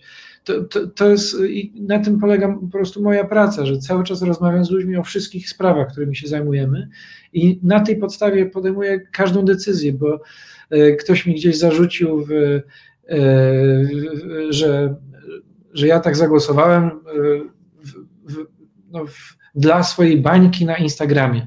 No tylko my, my po to jesteśmy w Sejmie, żeby reprezentować jakąś bańkę. Ja reprezentuję bańkę poznaniaków i poznanianek, e, którzy na mnie e, zagłosowali i e, jeśli oni wskazują mi jakiś, jakiś kierunek, no to tak, tak, taką decyzję podejmuję. I, i to, jest, to są ludzie, przed którymi odpowiadam w pierwszej kolejności a po drugie, no, staram się robić wszystko, żeby tą opozycję też podszywać. Też mam, e, też myślę bardzo podobnie tu jak Andrzej. Myślę, że e, ta, my, my takie rodzynki właśnie staramy się też e, pokazywać, że musimy o tym wszystkim myśleć szerzej, patrzeć szerzej, jak śpiewał Łona, rapował. I, ale, ale poza tym też takim no, z, z zagrożeniem, jakim jest PiS. I wszyscy widzimy, co, się, co robi, jak prześladuje sędziów, kobiety i tak dalej, i tak dalej, to musimy też mieć e, pozytywną opowieść, e, pozytywny przekaz, że nam nie zależy tylko zwalczyć PiS, tylko e, musimy mówić wartościami, musimy mówić tematami, czyli chcemy zwalczyć wykluczenie komunikacyjne, chcemy zwalczyć kryzys ekonomiczny, chcemy zawalczyć o godną pracę dla ludzi, o prawa człowieka, o E, e, o to, żeby po prostu gospodarka odżyła po tej pandemii, o, o to, żeby ochrona zdrowia przez lata niedofinansowana nareszcie odżyła i mogła nas bronić e, przy kolejnych zagrożeniach zdrowotnych, które niestety mogą się zdarzać. Nie, nie wiemy, kiedy pandemia się skończy, ale pandemia pokazała, jak bardzo potrzebujemy silnego państwa w takich sytuacjach. Więc uważam, że to jest klucz, który przekonuje ludzi. Po prostu mówię, mówienie nie tym kluczem partyjnym, chcemy powiedzmy zmienić Niedzielskiego, tylko chcemy zmienić politykę w, w, zakresie ochrony zdrowia tak, tak i tak. I to jest to. Jest to. Także e, opozycja musi spisać protokół e, rozbieżności. Tu się różnimy, jasne, nowoczesna pewnie nie dogada się z razem w kwestii podatków, ale w kwestii właśnie praw człowieka, rzecznika praw obywatelskich i wszystkim, o, o czym mówimy, e, z prawami europejskimi na czele, no to właśnie powinna, e, powinna mieć wspólny front e, i, i, i, i poważnie współpracować. Marek Borowski, senator, słusznie zgłasza, że liderzy opozycji muszą się spotykać po prostu raz na tydzień, raz na dwa tygodnie i po prostu rzeczowo, po partnersku się traktować i, i tylko jeśli ten dialog za, zaistnieje, no będą, będzie możliwa jakaś wspólna presja i, i jakakolwiek skuteczność wobec e, no, silniejszego przeciwnika. Tak? ale moim zdaniem to wszystko jest możliwe, a zatem komunikacja, pozytywny przekład, współpraca. No i tutaj spróbuję powrócić do tej swojej tezy, którą zadałem na początku, czyli no, opozycja powinna być jak Europa silna w swojej różnorodności i właśnie zmieniająca się, coraz bardziej zielona, coraz bardziej e, ludzka i, e, i, i, i, coraz silniejsza, mam wrażenie. E, zmierzamy do końca, ale żeby rozmowa była pełna, to potrzebny jest nam głos wyborcy. Losowo wybrany wyborca to jest pan Tomek, który się do nas dodzwonił i mam nadzieję, że nie zniechęcił, bo trochę czeka. Halo. Halo, halo, witam, witam Marcinie, witam panów. Kłaniam się. Dzień dobry. Dzień dobry, dzień dobry, dobry wieczór. Yy, chciałem powiedzieć tak. To fajnie wszystko wygląda tutaj w audycji. Wy naprawdę mówicie jak ludzie. Potraficie się ze sobą dogadać, potraficie się ze sobą zgodzić. Wszystko jest okej. Okay. Co, co się dzieje gdzie indziej. Co się dzieje za kulisami tego wszystkiego? Ja tego nie rozumiem, bo naprawdę dzisiaj brzmicie fantastycznie. Mówicie jednym głosem. Mówicie o demokracji, mówicie o praworządności, mówicie o tym wszystkim, o czym my chcielibyśmy nie tylko słyszeć, tylko chcielibyśmy dowiedzieć, że tak jest. A tylko słyszymy. A w innych programach pokazujecie przekaz dnia tak? Mam takie wrażenie. Jeżeli jest mylne, to przepraszam. Ale mam takie wrażenie, że idziecie do innego medium i walicie przekaz dnia. Dziękuję. Panie dziękujemy, Tomku, dziękujemy Tomku. Goście już no ja, ja jestem dziennikarzem z 30-letnim doświadczeniem, nie potrzebuję żadnych przekazów dnia. Mówię zawsze to, co myślę i tak, jak uważam. Bardzo często jest to zgodne z tym, co moja partia e, myśli i sądzi, a czasami nie. No i czasami dochodzi do takich sytuacji, jak z ostatnim głosowaniem, że myślę co innego, robię co innego, a moja partia podejmuje inne decyzje, ale generalnie ja przekazami dnia się nie posługuję. Chociażby dlatego, że człowiek, który mówi przekazem dnia, jest według mnie niewiarygodny. Po prostu mówi nie od siebie, mówi rzeczy, które być może są mądre i słuszne, ale nie potrafi być przekonywujący, bo, bo odtwarza coś, co nie, nie jest jego poglądem albo nie jest jego myślami. Zatem nie, ja jestem przeciwny. A to, że, że dzisiaj rozmawiamy tak, jak rozmawiamy, no mi trudno z Frankiem się pokłócić, bo mamy praktycznie identyczne poglądy. E, zresztą z, z Marcinem też niespecjalnie widzę powód do jakiejś nerwowej dyskusji, chociaż tu pewne niuanse nas różnią, ale no, wszyscy jak trzej tu siedzimy, stoimy po stronie demokracji, porządku prawnego, Unii Europejskiej i myślę, że większość polityków opozycji tak samo, tylko no nie każdy może potrafi usiąść do stołu i rozmawiać w ten sposób, nad czym ubolewa. Ja myślę, że tylko to, to nie był zarzut, nie? Tak naprawdę to nie był zarzut, tylko, tylko to było właśnie, to jest to, co ja teraz obserwuję, to jest coś fajnego, nie? No ale też i miejsce jest wyjątkowe. Panie Tomku, czy y, zna Pan wiele audycji takich powiedzmy w telewizjach, nawet tych przychylnych y, opozycji, gdzie można sobie tak spokojnie porozmawiać? Nie, nie znam. No właśnie, właśnie. I tu jest problem, że ta, te media nasze trochę się stały takie żerujące na klikalności, że musi być akcja, musi być dynamicznie, jadka, krew się musi lać i wtedy jest dobrze, bo jest klikalność, tak? A ja myślę, że właśnie brakuje nam takich y, rozmów na spokojnie, może trochę one nie są aż takie porywające, ale przynajmniej budują płaszczyznę porozumienia. Ale macie panowie czas, macie panowie czas, nikt nie przerywa. Dokładnie. Macie panowie czas na to, żeby wyrazić swoje myśli od początku do końca. To mi się podoba. Szacunek dla Marcina za to, że umożliwia coś takiego. No dajmy jeszcze odpowiedzieć. Ja dziękuję e, bardzo, ja się rozłączę, proszę Dziękujemy, o... dziękujemy. Dziękujemy panie Tak, i pozdrawiam, dziękuję bardzo. Pozdrawiam. Pozdrawiamy, dzięki za telefon, bardzo serdecznie. E, ja też się zgadzam e, z Andrzejem, że to jest tak, że no, mówimy po prostu swoim głosem, staramy się myśleć samodzielnie i no, zdarza się tak, że mamy inne zdanie po prostu niż e, kierownictwo klubów czy partii. E, no ja też mam tak, że nie jestem członkiem żadnej partii, jestem, no, czuję się aktywistą miejskim, wywodzę się z ruchów miejskich i do nich jest mi najbliżej i staram się utrzymywać taki charakter pracy cały czas. I wydaje mi się, że no, kwestia tu jest taka, że no, ja też widzę, jak Andrzej pracuje. Ma świetne tweety, świetny kontakt z ludźmi i na tej podstawie no, ma ten termometr społeczny i wyczuwa nastroje, czuje, e, jak, e, jakie ludzie mają oczekiwania. Ja sprawdzam to, to napięcie, te, mm, te, te myśli, te, te no, oczekiwania wyborców na, na swoich kanałach, także bardzo podobnie swoją pracę rozumiemy i, i, i, to mnie bardzo cieszy, ale to chodzi też o to, że Andrzej, ty jesteś pierwszą kadencję w Sejmie, czy ja dobrze e, Nie, już byłem, miałem Byłeś przerwę. Byłem okay. wcześniej z ruchem Palikota. No właśnie, przepraszam. E, no, e, to, ale to widać w tobie cały czas jakby świeżość, w to, że, że masz no, no, świeże myślenie, może dzięki y, korzeniom punkowym Janek, chcesz powiedzieć, że niektórym, niektórym palma odbija, jak za długo siedzą na wiejskiej, to prawda. To zdecydowanie potwierdzam, są takie przypadki.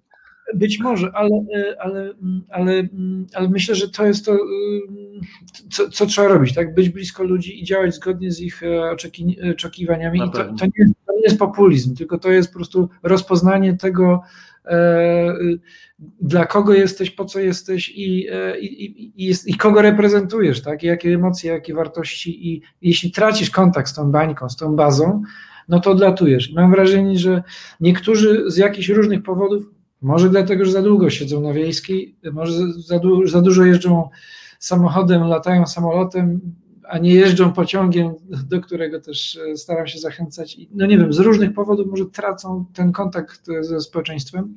Siedzą za dużo, nie wiem, w telewizjach e, dużych i im się wydaje, że wszyscy myślą tak, no powiedzmy, jak w Dzień Dobry TVN czy coś, a, a, a, a, świat wygląda zupełnie inaczej. Poza, mm, poza tym wąskim e, obszarem, poza tą wąską, wąską, pojętą bańką. E, my, my, te bańki musimy przekraczać, musimy właśnie zdobywać e,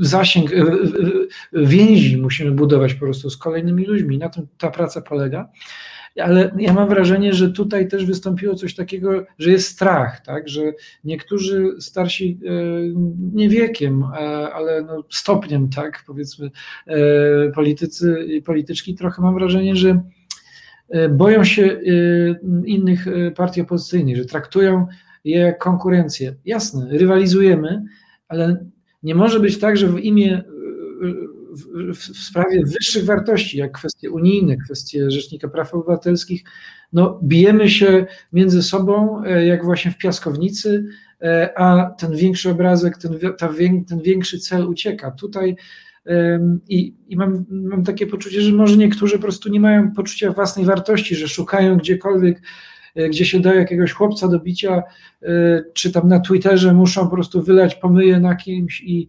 pohejtować i wtedy jest to poczucie, ach, e, walnąłem lewym, prawym sierpowym i, i jest mi no, lepiej. To prawda. Jakieś tutaj psychologiczne są tutaj znaki zapytania dla mnie. Słuchajcie, ja wiem, że ja trochę nadużywam naszych ustaleń, bo ja wam obiecałem trochę krócej, ale macie jeszcze chwilę? No pytanie, ile... Marcin zawsze. E, słuchajcie, bo tak, no to mamy kolejnego wyborcę, a w zasadzie wyborczynię e, e, na linii siostra Dorota. Dzień dobry, dobry wieczór. Dobry wieczór, dobry wieczór. Dobry wieczór. Ja po prostu postanowiłam jednak złapać za telefon i do panów zadzwonić, ponieważ przysłuchuję się tej rozmowie i pan Andrzej y, Rozenek wyraził się z taką opinią, że trzeba, y, trzeba wyborców, którzy nie chodzą na wybory, zachęcić do pójścia. Szanowni panowie, wy w tej chwili, ja nie wierzę wy, ale generalnie ja jestem tak wściekła, że ja postanowiłam, że na następne wybory zwyczajnie nie pójdę. I powiem wam dlaczego. Platformie nie ufam, za cholerę, y, ponieważ wielo, parę razy, ja tylko mówię o tym, co się działo na przykład w czasie wyborów w moim mieście. Y, Platforma zachowała się dokładnie jak PiS, czyli stosując kłamstwo y, przeciwko swoim tam przeciwnikom. taką metodę stosowała w wyborach, więc ja w ogóle Platformie nie ufam i nie ma takiej możliwości, żebym na Platformę w czymkolwiek za, zagłosowała. Natomiast w tej chwili lewica, ja jako wyborca lewicy, po prostu mam wrażenie, że głosując na lewicę, głosuję na PiS. Więc jak mam iść na, na te wybory?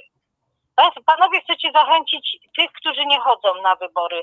Wyście spowodowali to, że ja, osoba, która wielokrotnie była w komisjach wyborczych, nawet sześć razy byłam przewodniczącą, zawsze wszystkich namawiałam do wyborów, ja w tej chwili nie pójdę na wybory żadne, bo ja nie mam na kogo głosować, bo głosując na lewicę mam wrażenie, no nie mam wrażenia, mam pewność, że głosuję na PiS. I to żeście panowie spowodowali. Was jest tylko dwóch. Co z tego, że wy mądrze gadacie, jak pozostali koledzy w waszych partiach mają w nosie to, co wy mówicie. W ogóle nie ma to żadnego przełożenia na to, co, co, co się dzieje z waszymi partiami. Jak, jak wy chcecie nas przekonać, mnie, Y, przekonać, żebym ja poszła i na was oddała głos. Nie, no na platformę to nie oddam, to od razu mówię. Takie, bo natomiast na, na lewicę, na kogo mam głosować? Na lewicę, która popiera PiS, która się dogaduje z PiSem. Ja po prostu mam troszkę takie, ja, ja, ja jestem osobą, która y, y, od, od paru lat jestem w, w środowisku kombatantów w moim mieście Zresztą jestem członkiem Związku Kombatantów Rzeczypospolitej Polskiej i byłych więźniów politycznych. I ja wiem, co PiS i, i, i te wszystkie te chciał robić z naszymi kombatantami, jak chcieli odbierać żołnierzom z II wojny światowej prawa. I wiem, że, że środowiska lewicowe się temu sprzeciwiały, a w tej chwili jest, wiem, że po prostu nie ma lewicy. Nie ma lewicy, nie ma komu bronić naszych praw. Jak panowie chcecie przekonać takiego wyborcę jak ja, żeby poszedł, żeby poszedł, poszła na głosowanie, skoro mówię, wasz głos w waszych partiach się w ogóle nie liczy. Dzięki, ja się teraz wyłączę i będę Dziękujemy. Myślę, że myślę, że pierwszy Andrzej zacznie, bo, bo to zdaje się, że uprawnienia to twój konik. Znaczy pani Dorota e, wyraziła to, E, co ja chciałem wyrazić swoim wstrzymaniem się od głosowania. Po prostu nie możemy nadużywać zaufania naszych wyborców, bo ono, bo wyborcy mogą się od nas odwrócić, a to zaufanie jest e, rzeczą nadrzędną i e, najbardziej wartościową dla każdej partii politycznej. Co z tego, co po partii, która nie ma wyborców? No po prostu taka partia odchodzi do, do historii.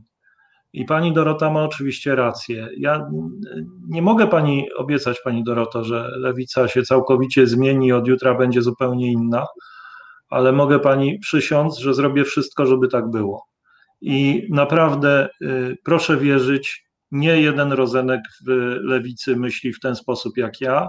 Jest nas duża grupa i y, mówienie, że lewica współpracuje z PiSem jest naprawdę y, mocnym nadużyciem.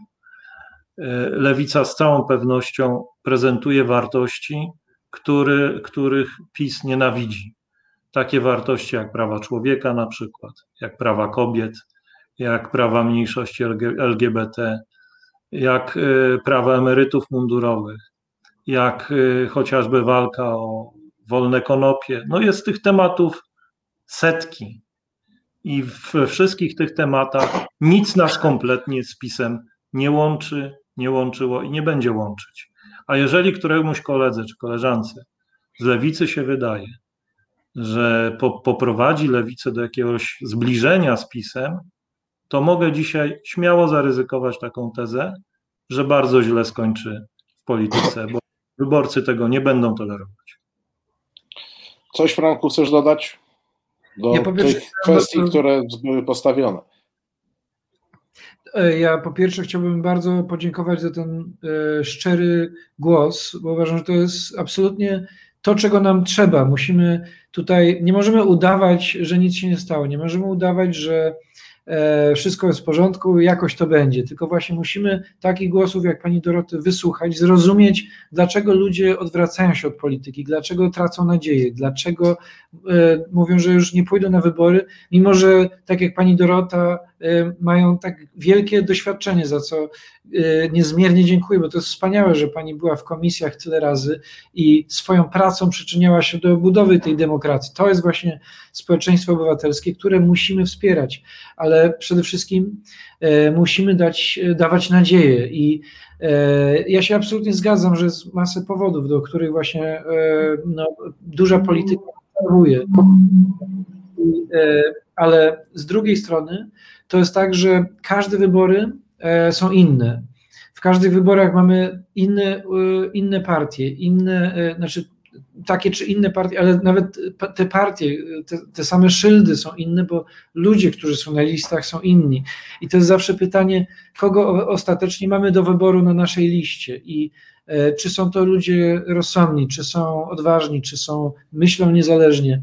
E, to jest, to jest zawsze, e, zawsze mamy jakiś wybór i to również od nas, obywateli, obywatelek, bo, bo też uczestniczę w wyborach i też, też głosuję i też zawsze myślałem o tym, żeby właśnie wspierać te, e, no, tych kandydatów, kandydatki, którzy myśleli progresywnie, byli ciekawi e, no, i wprowadzali jakąś nową jakość i, i, to, i to właśnie od nas zależy, kogo na tej liście wskażemy i kogo wzmacniamy w związku z tym, więc e, dzięki temu mamy w kolejnych wyborach się okaże, czy wyborcy stwierdzą, wolimy więcej Rozenków, Sterczewskich i innych myślących podobnie, czy też e, wolimy właśnie mm, e, typowy partyjny beton i e, sprawdzone polityczne nazwiska z wieloletnim doświadczeniem. I, mm, ale ale musimy, musimy pokazywać, że ten wybór wciąż ma sens i ta decyzja, którą obywatele, obywatelki podejmuje, jest ważna, bo, bo nawet jeśli, bo, bo wszyscy jesteśmy ludźmi, polityka jest ludzka i my, my, my, widzimy tą ludzką stronę, widzimy tą słabość, ale też musimy mieć nadzieję, że jeśli się zjednoczymy, jeśli e, zagryziemy zęby, jeśli e, też będziemy wywierali presję, żeby też politycy po prostu byli lepsi i e, nie, nie skreślali ich i nie powiedzieli, ok, popełniliście błąd, no to cześć już emigrujcie, albo ja emigruję, już nie płacę podatków e, i tyle.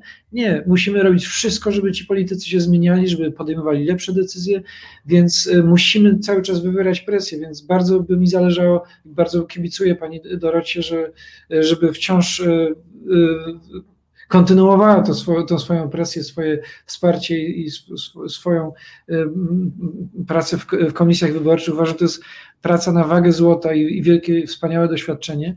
E, I, e, bo, bo, właśnie te wyzwania są większe, tak? E, mamy, grozi nam poważny autorytaryzm, grozi nam skręt na wschód, w stronę Węgier, Turcji czy, czy Rosji. Nie możemy na to pozwolić. Musimy, musimy, musimy ten większy cel mieć naprawdę przed oczami. Panowie, no tak, większy cel przed oczami to jest chyba dobra e, puenta e, tej e, dyskusji. Ja powiedziałem na początku, jesteście pierwszymi politykami zaproszonymi do tego formatu. Wcześniej tu jacyś tacy różni ludzie byli, którzy książki pisali, profesury robili. Nieprzypadkowy był dobór, ponieważ założyłem i się nie zawiodłem, że nie będziecie mówili z SMS-ów e, przekazami. E, więc tutaj akurat ja miałem takie e, głęboko uzasadnione podejrzenie, że tak będzie i się, i się sprawdziło. Można się z wami zgadzać, nie zgadzać, polemizować, ale na pewno nie były to SMS-y, tylko mm, poważna rozmowa. Przepraszam, że dłużej to trwało niż żeśmy się umówili. Mam nadzieję, że wybaczycie, ale myślę, że z pożytkiem e, dla naszych widzów, e, widzek, słuchaczek i słuchaczy. Bardzo Wam dziękuję za dzisiejsze spotkanie. Czy ja mogę powiedzieć jedną rzecz na koniec? Pewnie możesz. Bo, bo to, to, co, to, co trzeba, czemu musimy sobie uświadomić, że dlaczego decyzja pani Doroty jest ważna bo każdy głos jest na wagę złota. I decyzja pani Doroty może zawa zaważyć o tym, kto wejdzie, nie wejdzie do Sejmu i kto finalnie wygra wybory, więc musimy zdawać sobie sprawę, że każdy jeden głos e, ma znaczenie. I tak samo Andrzej, tak samo ja, nawet jeśli, jeśli jesteśmy jedyni wobec swoich klubów, nasz głos ma znaczenie, bo mówimy jak być powinno i mówimy, jakie mamy oczekiwania, żeby ta polityka wyglądała. Więc, więc musimy pamiętać, że nawet jeśli jesteśmy sami wobec jakiejś, jakiejś większej całości, to nawet jedna osoba jest w stanie e, mieć wpływ i dokonać jakiejś zmiany, więc to jest to, co musimy pamiętać. Więc raz jeszcze na koniec pozdrawiam Panią Dorotę i pozdrawiam wszystkich, e, co nas oglądali, śledzili. No, do usłyszenia, do zobaczenia. Dzięki Marcinie, dzięki Andrzeju za spotkanie. Marcin, dziękuję Ci bardzo za miejsce, w którym można tak fajnie rozmawiać w spokoju i, i, i z takim no, zrozumieniem spraw ważnych dla Polski. Pozdrawiam wszystkich, którzy nas oglądali i pisali na czacie. Wszystko, co pisaliście, czytałem e, i z większością się z rzeczy zgadzam. E, I pozdrawiam też e, Tomka Piątka, który naprawdę odwala kawał świetnej roboty. Wiem, że widziałem go na czacie. Tak, Tomek, robisz naprawdę genialną robotę. Szacun. Dziękuję Wam bardzo, a myślę, że będzie jeszcze okazja się spotkać w tym miejscu, bo mm, żyjemy w tak ciekawych czasach, że tematów nam nie zabraknie. Dziękuję, dobrej reszty wieczoru. Dziękuję. Proszę Państwa, ale co, no, chwila muzycznego oddechu nam się e, należy, a potem e, wracamy do spraw e, ubiegłego tygodnia, innych, bo nie tylko Funduszem Odbudowy ubiegły tydzień e, żył. Słuchasz Resetu Obywatelskiego. Reset Obywatelski. Medium, które tworzysz razem z nami. Komentuj, pisz i wspieraj. To jest Reset Obywatelski, rozmowy na koniec tygodnia, których producentem jest e, Mirosław, a realizuje nas dzisiaj e, oczywiście Krzysztof, e, bo chyba nie wspomniałem o tym, ale Krzysztof tutaj czuwa nad tym, żeby e, wszystko było ok. E, no, proszę Państwa, jesteśmy po pierwszym razie z politykami. Chyba nie poszedł najgorzej. Ja wiem, że Państwo mieli jeszcze mnóstwo e, pytań, ale no, nie da się rozmawiać e, o wszystkim naraz, bo wtedy wkradłby nam się pewien chaos. Rozmawialiśmy o dosyć konkretnej sprawie, w zasadzie o dwóch, o tym głosowaniu ubiegłotygodniowym, e, które wzbudziło takie emocje, i także o tym, co się dzieje e, z opozycją, która mm, najwyraźniej po tym głosowaniu jest w dużo gorszym stanie niż była przed tym głosowaniem i która mm, Wszyscy spodziewali się, że mm, konflikt wokół Funduszu Odbudowy spowoduje dekompozycję Zjednoczonej Prawicy ze względu na tą, e, tą nieugiętą postawę e, Solidarnej Polskiej Ziobry, a jak się okazało, dekompozycji uległa mm, e, dekompozycji uległa opozycja.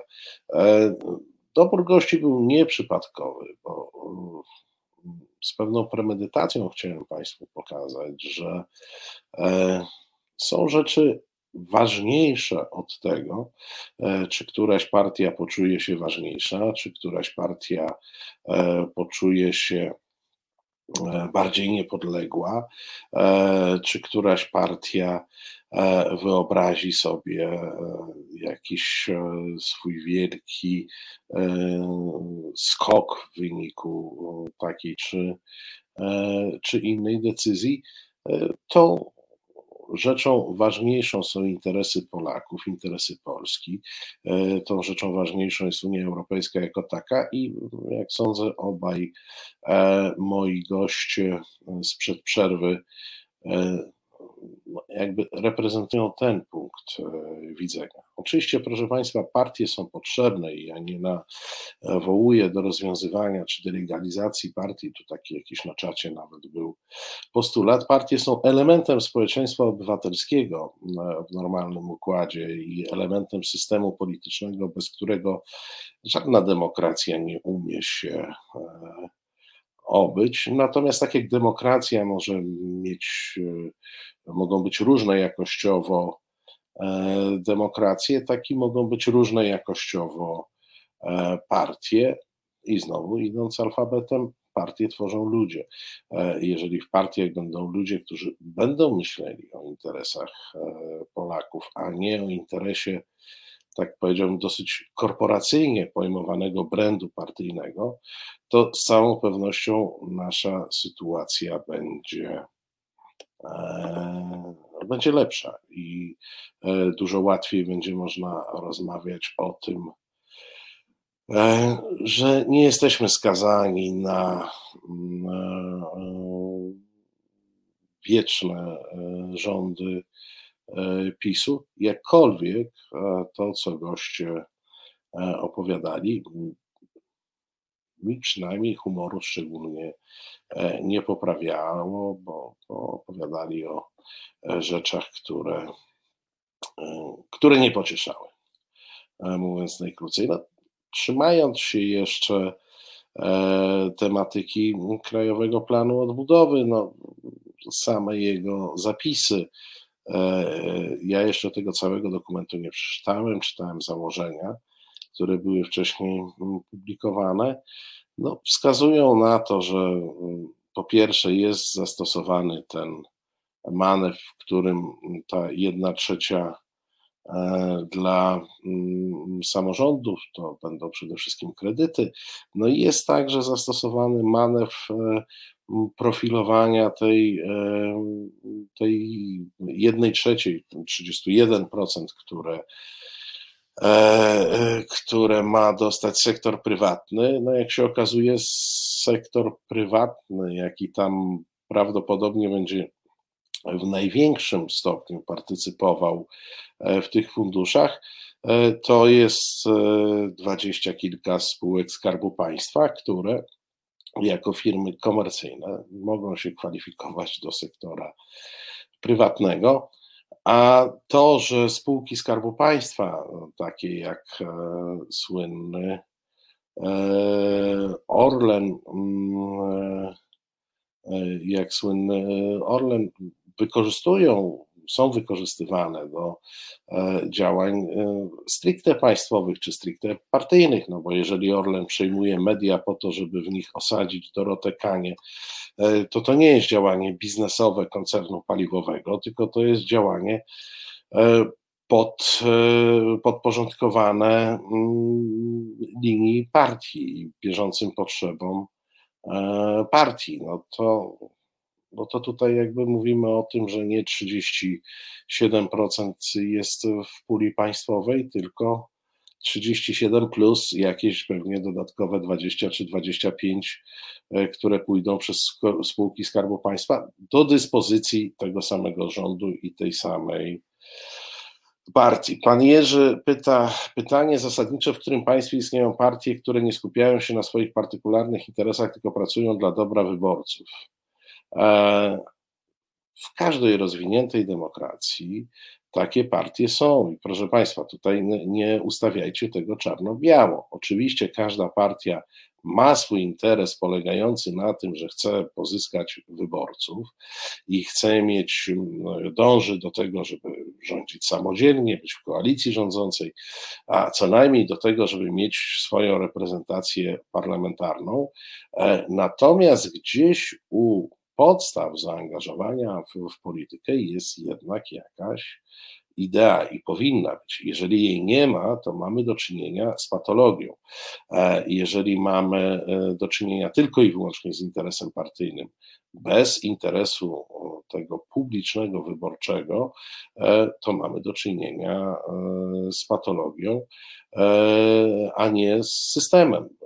Nie da się uniknąć, tak jak nie wiem, jakbyście chcieli powiedzieć, że każdy polityk ma być altruistą. No jeżeli polityk nie jest do jakiegoś stopnia egoistyczny, jeżeli polityk nie ma odrobiny narcyzmu w sobie, to zapewne nie zostaje politykiem. No i to też trzeba e, przyjąć. Do polityki nie garną się ludzie, którzy nie mają ambicji osobistych, bo jak ktoś nie ma ambicji osobistych, to ma 1500 innych działów e, aktywności, e, najczęściej we własnym ogródku, e, które go absorbują i do polityki się nie pcha, więc słuchajcie Państwo, nie stawiajmy sprawy w ten sposób. Natomiast jest pewna granica, jest pewna miara, która powoduje, że nie tylko nie tylko interes partyjny, czy nie tylko interes e, osobisty e, się liczy i tutaj mm,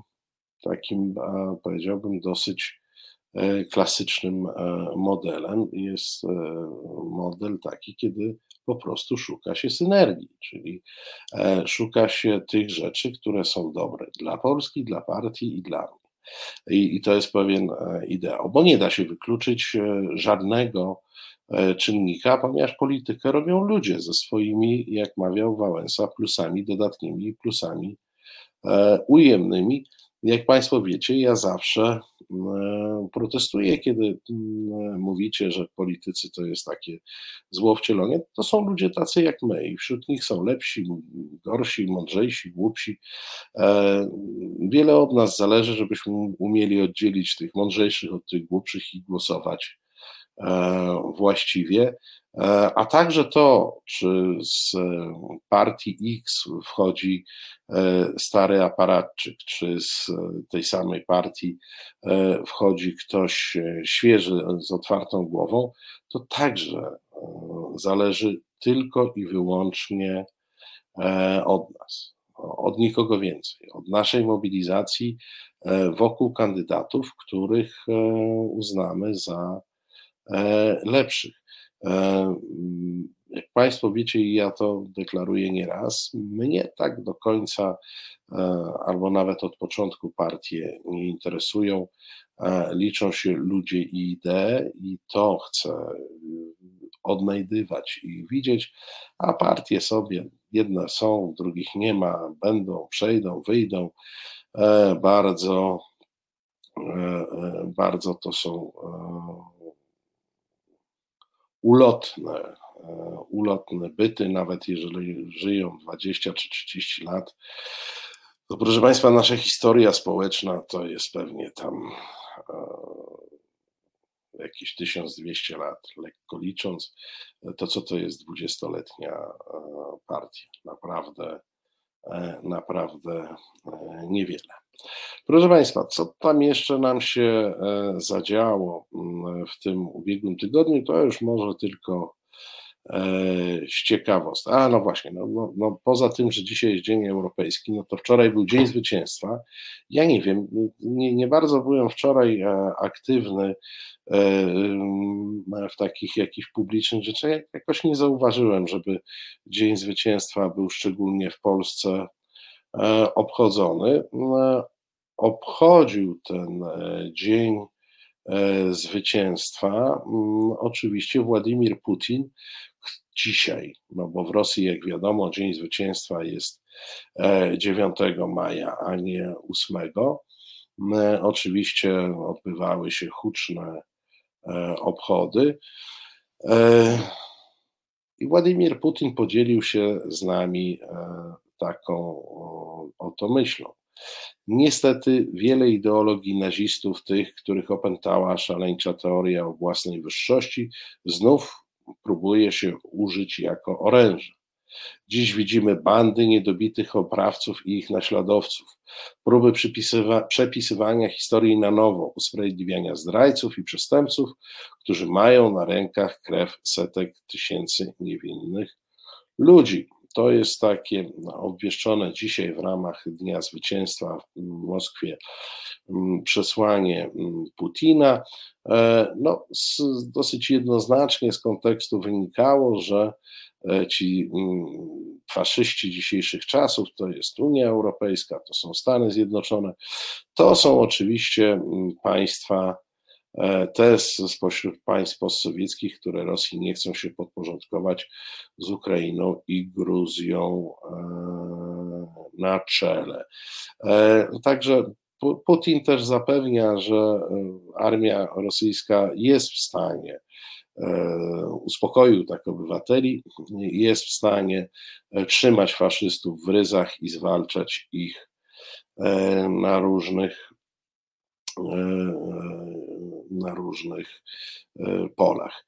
No, państwo tutaj pan, e, pan to z Facebooka, zaraz muszę powiedzieć, pan Jerzy się ze mną nie zgadza, że ja opowiadam jakieś teorie. Nie, mówię o pewnej praktyce. Znaczy, w Polsce mamy dodatkowy problem z demokracją i to nie jest problem tkwiący tylko w partiach.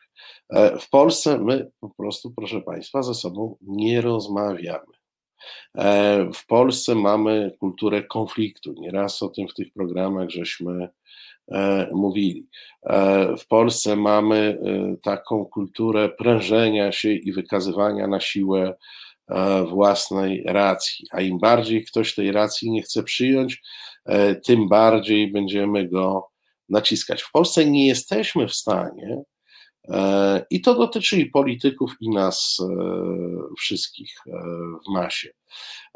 Nie jesteśmy w stanie sobie powiedzieć, że możemy się różnić, że my nie musimy być tacy sami, że państwo nie muszą myśleć tak jak ja, a ja nie muszę myśleć tak jak państwo. To, to w Polsce w ogóle przekracza nasze wyobrażenie, powiedzenie sobie, że okej, okay, jesteśmy różni, E, ale coś nas łączy jednak. Tak? E, my się nastawiamy na to, żeby szukać e, różnic za wszelką cenę, czasami absurdalnych. Polacy potrafią się pokłócić o rzeczy niespotykane, niesłychane w innych krajach. A te kłótnie od razu są ostre, bo nikt nie jest w stanie ustąpić, nikt nie jest w stanie albo przyznać racji, albo sobie powiedzieć, Różnimy się, ale żyjemy z tym dalej. E, nie szukamy tego, co nas łączy. E, I jak sądzę, ta cecha wyszła, wychodzi nam także w Sejmie, bo w tymże Sejmie, proszę Państwa, mamy takich mniej więcej przedstawicieli, e, jacy i my sami jesteśmy. No to jest zasada demokracji, która w Polsce także działa. Nie oczekujmy, że tam będą ludzie dużo lepsi od nas w masie swojej, bo bo dokąd my nie będziemy lepsi, to i oni nie będą e, e, lepsi. E, proszę Państwa, no, w dzisiejszej w dzisiejszej Polsce mamy mnóstwo przeróżnych przeróżnych konfliktów, ale proszę Państwa, mamy też, i tu trzeba powiedzieć, sukces, bo nie wiem, czy Państwo wiecie, ale rośnie nam, rośnie nam e, centralny port komunikacyjny, ten w Baranowie, tam pod Łodzią. E, wszyscy mówią, że, że on nie rośnie, a to nieprawda, on rośnie, e, ponieważ, proszę Państwa, jak podliczyła Gazeta Wyborcza, w 2019 roku było 99 etatów, w 2020 176, a jesienią ubiegłego roku 194. Czyli port rośnie. Już tam jest 194 osoby zatrudnione e, na etatach. E, do tego wszystkiego, proszę Państwa, z tych 194, 46 e, osób ma stanowiska kierownicze, co oznacza oczywiście kierownicze uposażenia. E, pensje pracowników e, w 2020 roku to było 31 milionów 397 e, tysięcy złotych. Rok wcześniej było, ogarnęliśmy to kosztem 13, niecałych 14 milionów złotych. Zatem mamy sukces, port rośnie, no bo skoro budżet płacowy wzrósł z 13 milionów na 32 miliony niemalże, mm, e, no to, e, no to proszę Państwa, urosło, urosło. Nie mówcie, że jest w tym samym e, w tym samym miejscu. Owocny słusznie pisze, wiosna wybiła sianokosy zapasem. No tak, no trzeba zwiększyć zatrudnienie, żeby z tym sianem sobie E, poradzić. Pan Jerzy jeszcze pisze, przypomniałem sobie redaktora Hartmana, który ostatnio mówił, jak politycy poza kamerami spijali sobie z dzióbków, a jak leciała transmisja, odgrywali swoje skonfliktowane role. Panie Jerzy, Jan Hartman pewnie mówił o pewnej przeszłości. Ja mogę panu powiedzieć, że w tej chwili e, w tych takich poczekalniach, e, e, w tych takich poczekalniach, to się nazywa VIP-roomy, w mediach politycy ze sobą nie rozmawiają. E, I nie wiem, czy to jest e, dobre zjawisko, że oni przestali. To no nie chodzi o zbijanie dzióbków, ale oni tak po ludzku przestali się ze sobą komunikować. Czyli oni siedzą w ciszy, ja to ileś razy widziałem, siedzą w ciszy te parę minut, kiedy przed wejściem do studia, wchodzą do studia, e, odgrywają swoje role, po czym wychodzą i czasami sobie mówią do widzenia, a czasami netnie. To nie jest, to nie jest zdrowe. To znaczy, wiecie Państwo, w normalnych układach nie można wymagać od e, ludzi, e, żeby warczeli na siebie ze względu na różnice poglądów politycznych. E, to też jest coś, co w Polsce zanikło. Jeszcze 15 lat temu było rzeczą normalną, że politycy, którzy spierali się publicznie na tematy polityczne, nie odnosili się do siebie wrogo prywatnie. To, to jest ten temat, o którym mówiłem przed chwilą. E, proszę Państwa, możemy się nie zgadzać w kwestii służby zdrowia, podatku, e, likwidacji górnictwa czy rozbudowy kopalń. Możemy się nie zgadzać. A czy to jest powód, żeby nienawidzić się osobiście? Naprawdę tego byście oczekiwali od polityków, to jeżeli tego oczekujecie, to, to tak jest, to tak się właśnie zaczęło dziać. Jest taki jeden polityk, który nienawidzi osobiście każdego, kto e, e, jest przeciwnych poglądów niż on. Ma taki, wiecie, ten domek na Żoliborzu najpilniej strzeżony, taką, taką ruderkę tam gdzieś, szeregówkę i on tą nienawiścią zaraził połowę polskiego Sejmu. To nie jest dobre zjawisko proszę Państwa. Jeszcze raz powiem, czym innym jest to, że ludzie poza z tym sporem w Sejmie czy e, na antenie traktują się po prostu jak ludzie, czasami jak koledzy z pracy. E, to, to, to, nie, nie ma w tym nic złego, nie ma w tym nic e, podejrzanego, że mówią sobie dzień dobry, bądź nawet pójdą na piwo razem po takiej E, dyskusji. Bożena poprawia, że poczekalnia to tramwaj, a nie żaden Viprum. O, Bożena. Wersja dla gości jest zawsze, że to jest Viprum. A co to jest, to, to wiemy. E, wiecie Państwo, to, to naprawdę nie, nie mieszajmy tego. E, spór na jakikolwiek temat, jeżeli kończy się osobistą nienawiścią i osobistymi afrontami, to to jest coś, co nie jest normalne. I taki stan w tej chwili w Polsce mamy. Mamy stan nienormalności, gdzie e, politycy e, nie są w stanie powiedzieć sobie e, dzień dobry, tak? To jest bardzo wiele przykładów, kiedy ludzie przestają sobie podawać rękę. Oczywiście jest mnóstwo powodów. I sam mam ludzi, którym nie podaję ręki po, po wydarzeniach ostatnich lat. No ale to już są kwestie, to już są kwestie, kiedy E, wchodziło w grę coś, co było dobrze notowane, wysoko karane w kodeksie e, Boziewicza, a nie różnica poglądów politycznych. Do diabła, co to jest?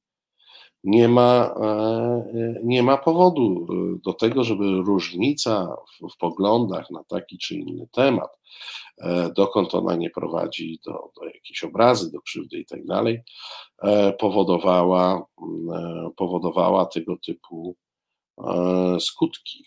No co, rozumiem, że z racji tego, że inaczej głosowali w sprawie Funduszu Odbudowy, Rozenek ze Sterczewskim nie powinni dzisiaj rozmawiać, tak? ani się spotykać. No, nie, nie dajmy się zwariować. No, nie dajmy się zwariować. E, pani Olga pisze, niech idą na to piwo pod warunkiem, że podczas tego spotkania dojdą jakichś wniosków. Pani Olga, ale oni mogą pójść na piwo i rozmawiać o pogodzie. On, nie wymagajcie od nich, żeby oni e, nie, bo jeżeli oni pójdą na to piwo, zaczną rozmawiać o polityce, to zaczną się okładać kuflami po głowach. Nie, zobaczcie w nich też ludzi. No ja wiem, że to jest misja straczeńca, przekonywanie do tego. Nie wiedźcie w tym spisku, zobaczcie w nich ludzi, którzy mogą spytać o zdrowie małżonki. Naprawdę, porozmawiać o pogodzie albo o samochodach.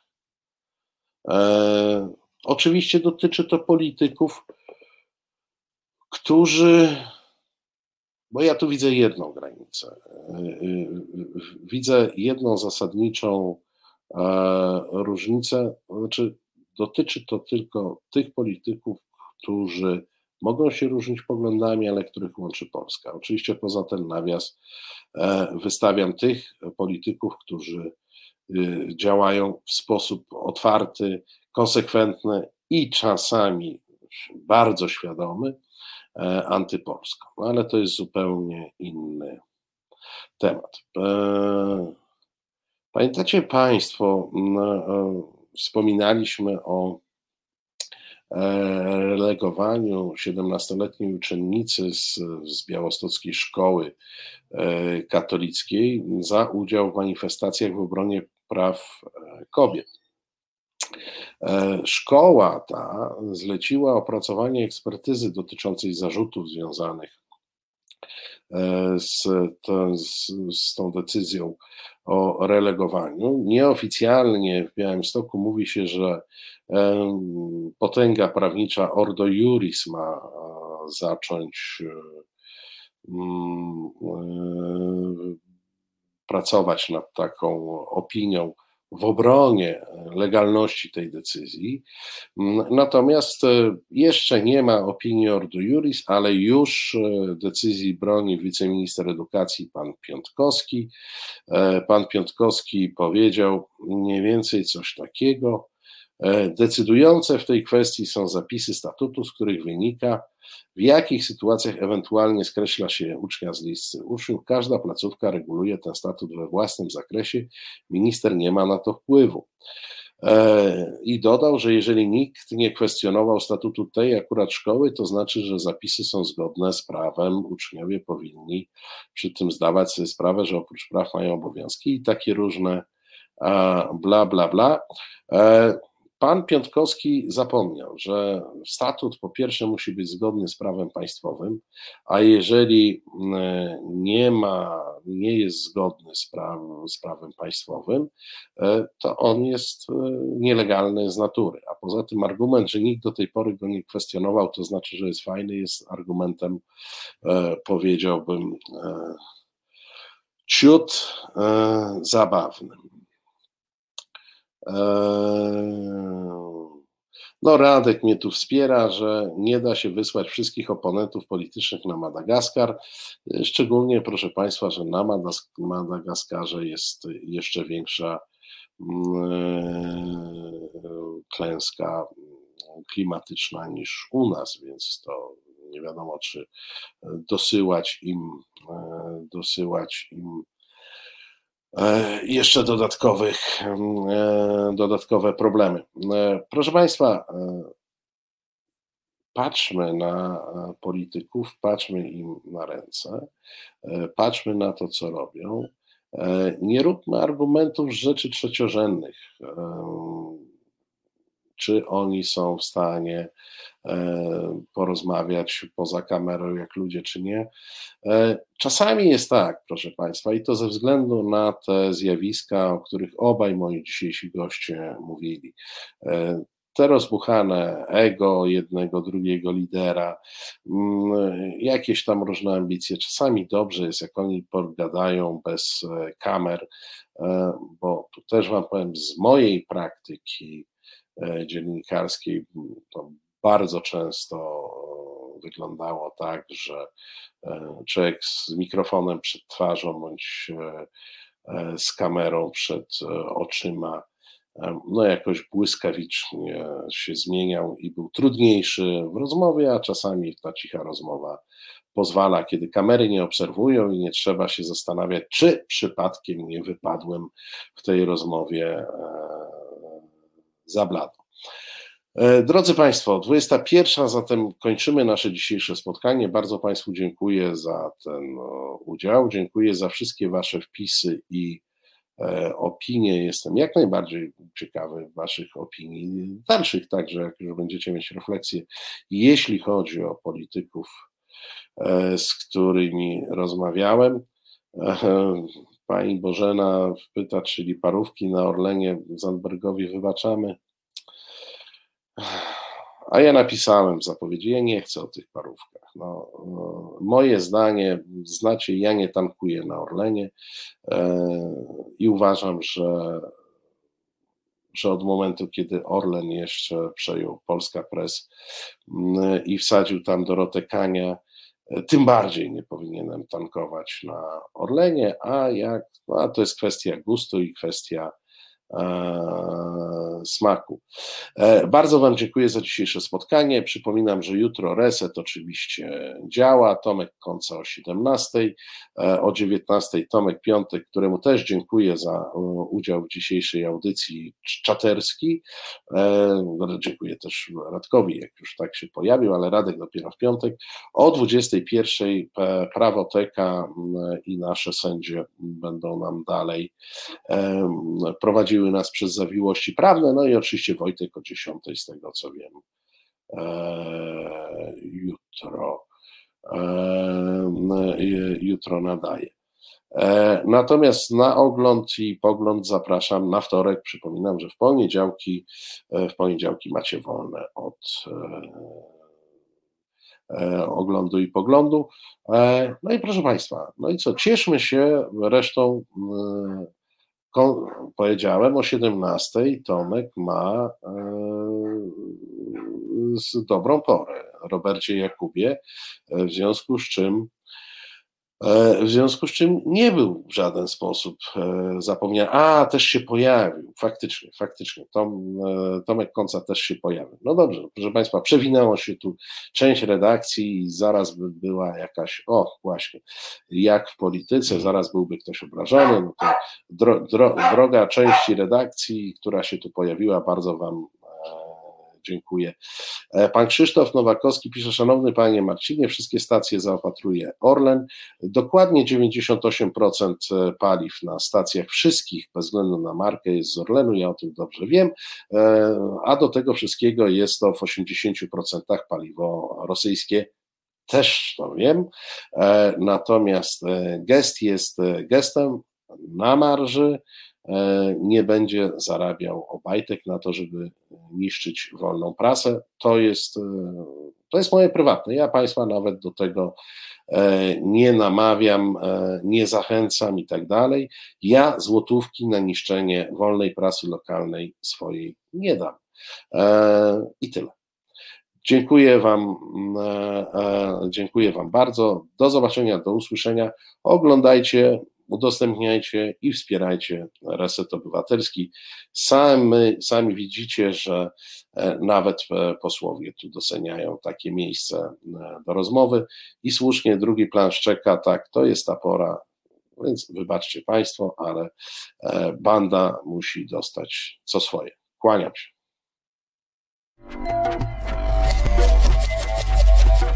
Reset Obywatelski. Podobał Ci się ten program? Reset to medium obywatelskie, którego jedynymi sponsorami jesteście wy, odbiorczynie i odbiorcy. Wesprzyj nas na zrzutka.pl i pomóż budować niezależne medium.